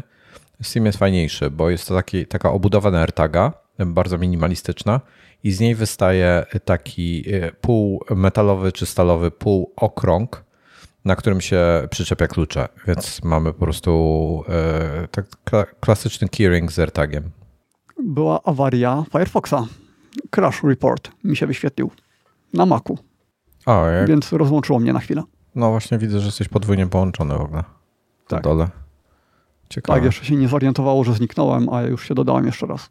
E, nigdy nie ten, nigdy nie miałem um, crasha Firefoxa na Macu ani na Windowsie. Nie, nie, nie przypominam sobie. E, być no, może. Ja też mm, nie wiem, czy miałem wcześniej. Ewidentnie StreamYard tutaj mm, A może coś, jakiś coś plugin? Nie, nie lubi. Nie. Jedyny plugin, jaki mam do Firefoxa, to jest ten do YouTube'a, ale on jest sprawdzony. W ogóle to zrobiłem sobie tak, że na Safari niestety nie da się oglądać YouTube'a wygodnie, bo nie ma tej wtyczki YouTube y, YT Enhancer, Enchancer, nie wiem jak to się nazywa. Enhancer. No to no. taka, to ja, taka ja, wtyczka, która ulepsza YouTube'a. Nie używam. Ja YouTube'a tylko chyba prak praktycznie tylko na iPadzie oglądam. No, więc sobie musiałem skonfigurować wszystko tak, żeby YouTube mi się otwierał standardowo w Firefoxie, a wszystko inne w Safari. A, no a OrbitQ, OrbitQ to chyba chyba tyle. Natomiast warto sobie zobaczyć ogólnie, co oni tam mają na stronie, bo to jest firma taka.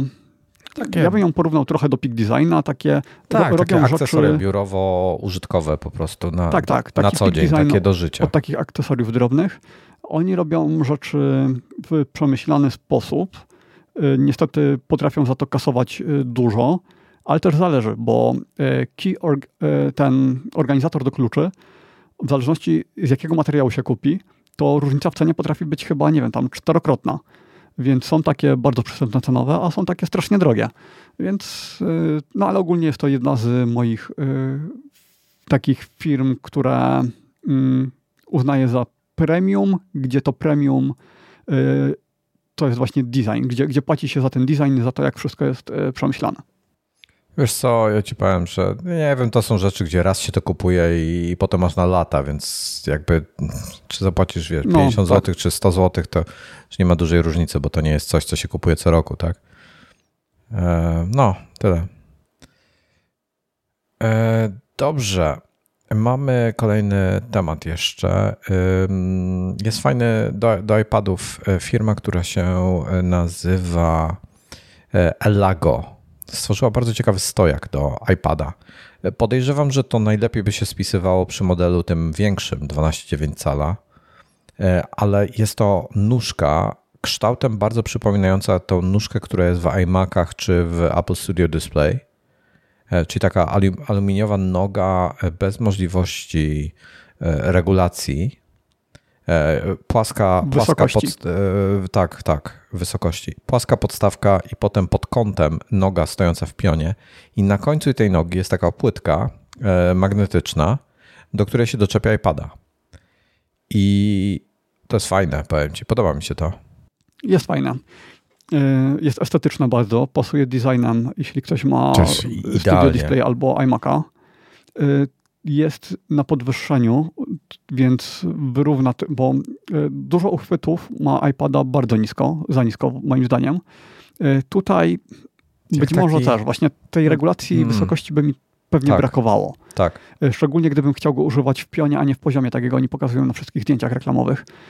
Mm, ale tak wydaje się to jedna z fajniejszych opcji, na pewno pod względem designu. No i ma regulację kąta pochylenia, ale regulacji wysokości no mnie by brakowało jednak. Ja we wszystkich moich uchwytach miałem regulację hmm. wysokości i faktycznie jej używałem. I to używałem zazwyczaj tak, że dawałem na maksymalną wysokość, a i tak było za nisko. Wygląda to jak produkt, który wypuściłby Apple, w tak, sensie jest, jest w ogóle dostępny w tych kolorach Apple'owych, czyli jest ten e, prawie czarny Space Gray, jest srebrny, jest bladoniebieski, czyli do Erów jakby dostosowany jest kolorystycznie też, nie tylko do Pro modeli. E, kosztuje 100 dolarów. Dużo i mało to nie jest jakaś duża cena za taką jakość, myślę. Wygląda to po prostu znakomicie. Wiesz, na żywo trzeba by zobaczyć. Natomiast na zdjęciach wygląda rewelacyjnie. Um, tak, jest jeszcze do niego etui e, w tej samej kolorystyce zrobione. Nazywa się Magnetic Folio. E, kosztuje dodatkowo 27 dolarów. Więc za magnetyczne etui to nie jest jakaś tam wysoka cena. E, też ponownie pytanie, jak to wygląda na żywo i jak z jakością wygląda, wygląda bardzo dobrze. Samo etui przypomina to stare iPadowe, takie, które się tak zwijało i można było sobie nogę zrobić z tego, taką trójkątną, taki trójkątny stojak. I to pasuje do iPadów Pro e, wszelkich tych, tych e, z tym ekranem takim e, Liquid Retina, czyli, czyli tym do brzegów. Bardzo, bardzo fajnie to wygląda, bardzo mi się to podoba. Tak, no jak patrzę na to etui, to no etui jak etui. Ale wygląda jak Apple'owe, to po prostu jak takie. mnóstwo innych, tak, tak. No ale ta nóżka faktycznie jest y, taka bardziej designerska, ładna. Tak i y, można, y, jakby łączy się z tym etui E, więc mhm. można, można e, korzystać z etui. Właśnie to nie jest dla mnie jasne, czy możemy bez etui korzystać z tego. Hmm. Zaraz sprawdzę, jak oni to w sklepie prezentują. Bo to nie jest dla mnie jasne, bo na każdym zdjęciu jest w etui. I zastanawiam się, czy to etui jest no wymagane. Właśnie. Nie, nie, w opisie też nic nie ma.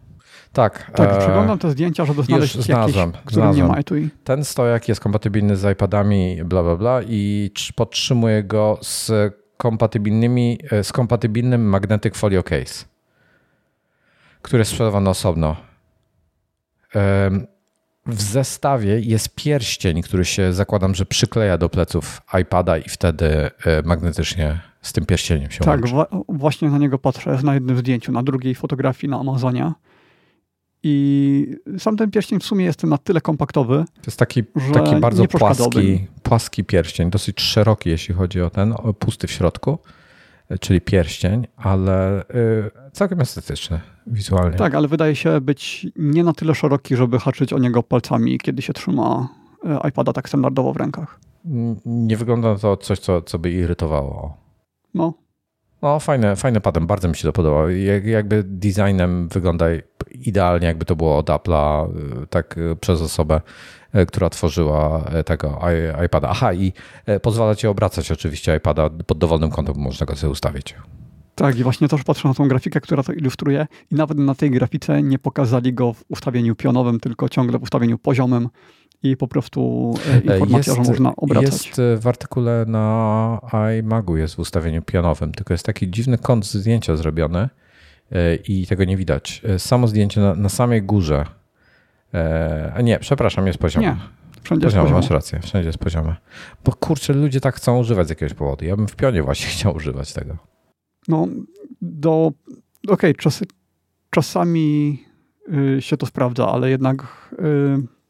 Y, nie wiem, pisać na przykład. Chciałbym w pionie. Nawet na filmie, o, na filmie jest. Przez ułamek sekundy dosłownie, okay. w 43 sekundzie jest kadr z poziomem, ustawie- z pionowym ustawieniem. No i e- tak, on wtedy jednak dość nisko ląduje. Fajnie byłoby, gdyby się dało go dać wyżej. Chociaż to te ring można zamontować niżej. Tak, no natomiast wtedy ten środek ciężkości też się trochę przeniesie, ale to nie powinno być problemem. No zależy, jak będziesz zawsze go w jednym konkretnym ustawieniu używał, na przykład właśnie w pionie, żeby klawiatury na przykład mieć podpiętą do pisania, typu, typu jako, jako maszyna do pisania, e, to wtedy rzeczywiście tak może być komfortowo. Apple wypuściło nową usługę, jeśli chodzi o Apple Music. E, nazywa się to Apple Music Sing e, i jest to po prostu funkcja karaoke do, do Apple Music, co jest super. Fajne. Ja nie umiem śpiewać i nie będę z tego korzystał, natomiast e, znam osoby, które, które korzystają, więc fajnie. I, I, działa to nie tylko na iPhone'ach i iPadach, ale też na Apple TV, gdzie podejrzewam, że to karaoke najfajniejsze by było. Azja oszaleje na tym punkcie. No właśnie. Tak jak w Europie, w Stanach się wychodzi gdzieś tam do, do klubów yy, tak standardowo, to w Azji się wychodzi do karaoke, yy, czego też nie rozumiem i też nie potrafię śpiewać. Ale tak, to przewiduje tutaj y, wielki, wielki sukces. Y, czy to się instaluje osobno? Nie, to jest nie, zintegrowane to wszystko. To jest, chyba wszystko jest zintegrowane. Nie, nie, nie, chyba nic tam osobno nie trzeba robić. Tak, tak, nowa funkcja Apple Music, więc raczej na pewno zintegrowane. E, kolejny news. E, HomePod Mini będzie dostępny w Finlandii, Norwegii i Szwecji i to będzie od 13 grudnia, czyli od, to jest chyba będzie najbliższy wtorek. E, cena 100, e, 1000, przepraszam, 1249 koron e, norweskich albo 109 euro. Czyli to są te ceny po podwyżkach. Czy przychodzi Ci do głowy jakikolwiek pomysł, dlaczego oni tak bardzo powoli HomePody dozują w różnych krajach? Tak samo było z dużym HomePodem. On prawie nigdzie nie był dostępny. Wiesz co Ci powiem? Ja tak się ostatnio zastanawiałem. Wiesz co byłoby super w HomePodzie mini? To jest małe urządzenie, które tam w środku nie ma za dużo miejsca, bo, bo napchali go, wiesz, no i miniaturyzacja. No jest niesamowicie tak? małe. Tak. Jest po prostu bardzo malutki. Gdyby zrobić trochę większego, być może trochę wyższy na przykład, dorzucić mu baterię do środka, żeby się ładował przez MagSafe'a, czyli y, wiesz, bierzesz go sobie do, tam gdzie masz na przykład sypialnię, załóżmy masz gdzieś MagSafe'a, który sobie leży na szafce nocnej, przykładowo, czy w biurze, czy coś, sobie go stawiasz na tym MagSafe, on się ładuje. A potem go zabierasz w jakieś miejsce ze sobą, nie. gdzie byłby na baterii. Nie, nie, to nie ma prawa działać, już nie mówię dlaczego. To nie jest głośnik bluetoothowy, tylko, tylko AirPlayowy, co znaczy, że ta bateria zaszłaby po prostu w moment. No ale popatrz, a Sonos potrafi. To co, to nie da rady? Mm, ale Sonos nie, Sonos nie ma żadnego odpowiednika tego głośnika, ma so, tylko dużo Sonos? większe. No są no Mówi, tak ma. Mówisz o tym takim nie, ROM. Ja nie mówię, że on ma być tak mały. Ja mówię tylko, że ma być to HomePod mini, w sensie funkcję HomePoda no, mini. Tak, tak, ale czekaj, a ten ROM w momencie, kiedy... On ma AirPlaya. Y, ale czy na tym AirPlayu te czasy, które oni podają, to są czasy dla AirPlaya, czy ma też Tak, Bluetootha i dla- to przez Bluetootha? Dla AirPlaya. 10 godzin. Na Bluetooth Okej, to- takie głośniki to, całkiem normalnie okej. trzymają z 30 chyba, jak nie lepiej. Mhm.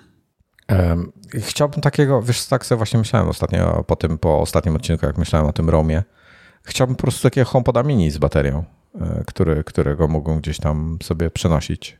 Właśnie stawiać nie go w łazience, bez konieczności, wiesz, podłączania go do prądu. No tak, ale jak w łazience, to równie dobrze możesz go jednak wpiąć. Nie, nie, nie mogę, nie mam gniazdka. Nie mam jak. Hmm, To ja bym po prostu kabel pociągnął. Jakaś Nie. maskownica pod samym sufitem i tyle. Nie, nie, ma, nie ma takiej możliwości. Znaczy, trzeba by remont robić, no. Mhm. A to już jak już bym Okej, robił e- tego typu akcje, to bym zamontował głośniki w suficie po prostu. Y, Chciałem tutaj rzucić ciekawostką. Niestety nie pamiętam jej nazwy i nie wiem, czy na szybko damy radę znaleźć, ale da się dzięki Raspberry Pi sprawić, żeby HomePod był głośnikiem, nieważne czy duży czy mały chyba, żeby był głośnikiem bluetoothowym albo łączony kablowo za pomocą wejścia line-in. Ja o tym informowałem na Twitterze jakiś czas temu, więc y, spróbuję znaleźć nazwę tego zaraz. Y, I jest to ciekawe rozwiązanie, natomiast jakość nie będzie taka dobra jak y, po AirPlayu. Jak I to nie line, chodzi tylko, jak line in? Gdzie ma HomePod line in? a widzisz, nie ma, ale Raspberry Pi ma. Dlatego potrzebujesz to Raspberry Pi. Tam instalujesz odpowiednie oprogramowanie, wpinasz wszystko do tego Raspberry Pi, a Raspberry Pi komunikuje się z HomePodem. A w ten sposób, okej, dobra, nie, bo ja tu myślałem o tym, że co jak HomePod, ale jak wiesz, HomePod przestanie być wspierany, to cholera wie, jak długo to będzie działało w ogóle jeszcze. Jak to będzie możliwe? Wspierany, to właśnie wtedy y, to się będzie przydawało jeszcze bardziej. Tylko, y, o jest, y, Heisenberg napisał na czacie Bubble Pod. Mm. tak się nazywa to rozwiązanie. No i to jest samoróbka. Po prostu kupujemy Raspberry Pi, to tanie, malutkie, instalujemy soft. Do tego potrzebujemy trochę sprzętu, ale takiego podstawowego, typu mm, chyba kartę muzyczną się wpina na USB czy coś takiego. Y, ge- Generalnie, w zależności od tego, co tam podepniemy, to jakość będzie mogła być lepsza lub gorsza. No i dodatkowo jeszcze kwestia y, kodeków, które pójdą po Bluetoothie. No generalnie raczej tak dobrej jakości jak na AirPlayu się nie uzyska, ale jest to jakiś ratunek. No dobra, jak, jakiś tam sposób na odratowanie HomePoda, jak przestaną działać. Mhm. Mm. Wiesz co, to, to wejście line-in to nawet fajne byłoby dzisiaj, żeby podpiąć chociażby normalnie do komputera y, HomePody. Więc jakby to miało dobrą jakość, to ja nie wiem, czy swoich HomePodów bym w ten sposób nie, nie zmontował. Ty, tych w biurze. No jest jakiś pomysł. Ciekaw jestem, jak z opóźnieniami też na tym by było. No bo on nie będzie miał możliwości no, większe niż kompensowania AirPlay wtedy. nie może być. Tak, Chociaż ale, może ale być, bo Może być. A AirPlay on tak czy tak jest. Między Raspberry Pi a HomePodem. jest i on nie będzie kompensowany prawidłowo Mhm. wtedy. Bo HomePod wie, Tak, że tak, jest spięty z Maciem i jest kompensacja wtedy, tak? E, Tak. I tutaj tego by nie było, więc nie wiem. Hmm. Dobra, e, okej. E, Słuchaj, ja bym chciał, bo już nagrywamy... Czekaj, moje z- pytanie jeszcze z samego No. początku. No. Y, czy masz pomysł, dlaczego te HomePody są tak powoli wprowadzone do innych krajów i duże HomePody tak były i te małe? Nie, nie One rozumiem są prawie tego. nigdzie niedostępne. Nie rozumiem tego, szczerze mówiąc. To jest jedyny chyba produkt Apple'a, który jest tak wolno wprowadzany. I jedyne, co mi przychodzi Mhm. do głowy, to są ograniczenia w produkcji. Że po prostu, wiesz, na tyle wolno się głośnik. produkują. No, No tak, ale brakuje im jakichś, wiesz, tam mają jakieś chipy w środku, tak, swoje. Być może nie ma, wiesz, produkcji, albo nie chcą przeznaczyć. Zobacz, jakie mają problemy w tej chwili z iPhone'ami. E, sprzedali tam iPhone'ów, gdy, gdyby mieli, nie, nie pamiętam ile milionów, e, czy 10 milionów sztuk iPhone'ów w tej chwili, gdyby mieli produkcję, to by je sprzedali. A Mhm. jeszcze e, tam wycenione, już nie pamiętam, to pamiętasz to, co była ta zadyma? Nie rozmawialiśmy chyba o tym. W fabryce Foxcona była zadyma z pracownikami, którzy zaczęli się buntować, bo tam oni źle chyba wycenili ich e, płace, czy, czy coś, jakiś błąd komputerowy był, czy tak przynajmniej powiedzieli. Cholera wie, co tam się stało. I zaczęli się buntować po prostu. Oni byli zamknięci, w ogóle nie mogli wychodzić do domu z tej fabryki, jakieś takie inne, względu na lockdown. E, I tam się zaczęli bardzo mocno wkurzać. E, I skończyło się, to chyba Apple tam podsumował, to ich kosztowało typu, nie już nie pamiętam jaką kwotę, typu 20 miliardów dolarów, czy jakąś tam absurdalną, jako, jakąś tam, w sensie niezrealizowana sprzedaż. Mhm. Y, Klementyna mówi, że jej powiedzieli 14 Pro Max będzie w połowie roku. 2023. Tak. Także pamiętasz, jak my, jak my w zeszłym roku, czy nie pamiętam, czy to było w zeszłym roku, czy jakiś czas temu, E, Goldix przypomina, że to 30 milionów sztuk mają za mało, za, za małą produkcję, czyli 30 milionów sztuk by sprzedali ekstra. Pamiętasz, jak rozmawialiśmy, że e, wiesz, że, że, że ten chip shortage cały rząd wpływa i tak dalej? Powiem no tak, ci, tak. że nie spodziewałem się, że to się jeszcze tak bardzo przyciągnie i będzie coraz gorzej. Myślałem, że mhm. już jakby się wtedy, jak było, jak, jak już, jak, jak rozmawialiśmy wtedy o tym, że to jest tak jakby blisko dna już jesteśmy. Nie spodziewałem się, że, że, że będzie taka tragedia. No, z niektórymi rzeczami jest lepiej, z niektórymi rzeczami jest gorzej. Na przykład gdzieś tam ostatnio e, widziałem jakieś e, informacje na temat motoryzacyjne, że e, wiesz, jakiś tam kamer 360 dalej nie można zamawiać. Część, część rzeczy została przez producentów wycofana z cenników, bo po prostu wolą sprzedać samochód bez tego, nie oferować w ogóle tej funkcji. Na niektórych no, rynkach. Samochody, samochody no. to jest w ogóle bardzo specyficzna branża, bo oni dalej tkwią w czasach 90 nanometrów często. Tam między 90 a 40 jest bardzo dużo części opartych o to. Więc y, wiadomo, że fabryka woli wyprodukować 10 do 20 chipów dla y, operatora komórkowego, gdzie też marże są dużo, dużo większe. Mhm. Y, niż taki chip, który kosztuje tam 50 centów dla y, Volkswagena. E, no wiesz, e, specyficzna branża jest motoryzacyjna też specyficzna o tyle, że mają bardzo wielu dostawców tych wszystkich podzespołów. E, I, i wystarczy, że jeden się wysypie i już jest problem, tak? Mhm. Więc no tak słabo, słabo z tym wszystkim niestety, ale no, tam widziałem, że niektórzy producenci nie oferują na przykład tych adaptacyjnych tempomatów, tych takich wiesz z radarem, gdzie, gdzie czy tam z, to z radarem będą. E, inni nie oferują właśnie kamer cofania, czy kamer 360, bo jakiś tam chipów brakuje i tak dalej, i tak dalej. Więc są, ze wszystkim są wszędzie cały czas problemy. Kurczę, no wiesz, jedyne co zrobić tak w przypadku, jak ktoś chce iPhone'a kupić, no to po prostu zamówić i czekać, ale wiesz, jak ja miałbym czekać do połowy przyszłego roku na Pro Maxa, to już bym wolał, to już bym olał to i po prostu poczekał na 15 te 3 miesiące ekstra, tak? Ciekaw jestem, jak to wpływa na e, rynek telefonów z drugiej ręki w tej chwili. Czy, mm. czy podbiło to cenę używanych iPhone'ów? Zależy pewnie, raczej, jak dużo ich jest na rynku. Ra, raczej nie. Chociaż mm, sprawdzałem kiedyś, y, czy jest sens kupować trzynastkę mini używaną, y, bo w, y, w Stanach one są dużo tańsze niż w Tajlandii, więc y, sprawdziłem, jaka jest różnica między używanymi a nowymi w, tutaj. W, w Stanach już nie sprawdzałem, ale tutaj. I y, zbytnio nie ma sensu. To znaczy, 26 w lokalnej walucie. Nowy kosztuje 25 tysięcy batów, e, używany kosztuje w okolicach 18 e, do 20, powiedzmy w dobrym stanie w okolicach 20 tysięcy. No to jedna piąta mniej za używkę to tak średni, średni biznes. Spodziewałbym się, że ta różnica będzie dużo, dużo większa. Znaczy to jest dobry biznes, jak sprzedajesz, to jest słaby biznes, tak, jak tak. kupujesz. No. E, tak, natomiast, mówi... mini, natomiast to są mini, więc one generalnie są bardzo tanie. Nie wiem, jak jest w przypadku tych, y, tych innych, które są droższe. Komentarz napisze, że jej, ko jej kot się ścika na telefonie i teraz ma 5S. E, Wiesz co, ja bym po prostu szukał, jak na 14 są takie, ty, ty chcesz Pro Max, ja bym 13 Pro Max szukał, chyba, że bardzo chcesz tą mm. 14. No to po prostu zamówić i, i, czekać, no bo nic więcej nie zrobisz. Pozamawiać wszędzie, gdzie się da, pozamawiać w, w, u wszystkich resellerów, prostu złożyć zamówienie i tyle. Może gdzieś się któryś trafi na tej zasadzie. Albo za granicą. W, w Stanach zamówić z przesyłką do Polski, ewentualnie przez pośrednika, wyjdą podatki, doj, dojdzie cło i y, reszta podatków, czyli gdzieś jedna trzecia ceny dodatkowo. Natomiast y, na starcie będzie też duża różnica w cenie i może to wyjść mniej więcej na jedno. Jedna rzecz w ogóle, w ogóle w tej chwili, y, nie wiem czy ty pewnie nie śledzisz kursów, kursy względem, względem no tak e, chwili, w którym Apple ustanawiał e, kurs, e, poszły mocno w dół. Dolar i euro były tam gdzieś w rejonie 5 zł, w tej chwili są po 4,6, 4,4. Więc jest spora różnica na kursie, a Apple nie, dopóki nie zrewiduje swoich cen, to w ogóle moim zdaniem, czyli pewnie do premiery kolejnych produktów, więc myślę, że 9-10 miesięcy do, do premiery kolejnych iPhone'ów. Wiesz, nie wiem, co się w tym czasie z kursem dzieje, mhm. stanie. ale jeżeli na przykład załóżmy, że kurs się utrzyma na 4,4, a oni sprzedają po kursie w tej chwili 5,4 złotówkę na, wiesz, na, na ekstra, to to jest, e, to jest bez sensu w ogóle kupować po tak wysokim kursie. Ja bym szukał za granicą, w euro po prostu, bo będzie tani.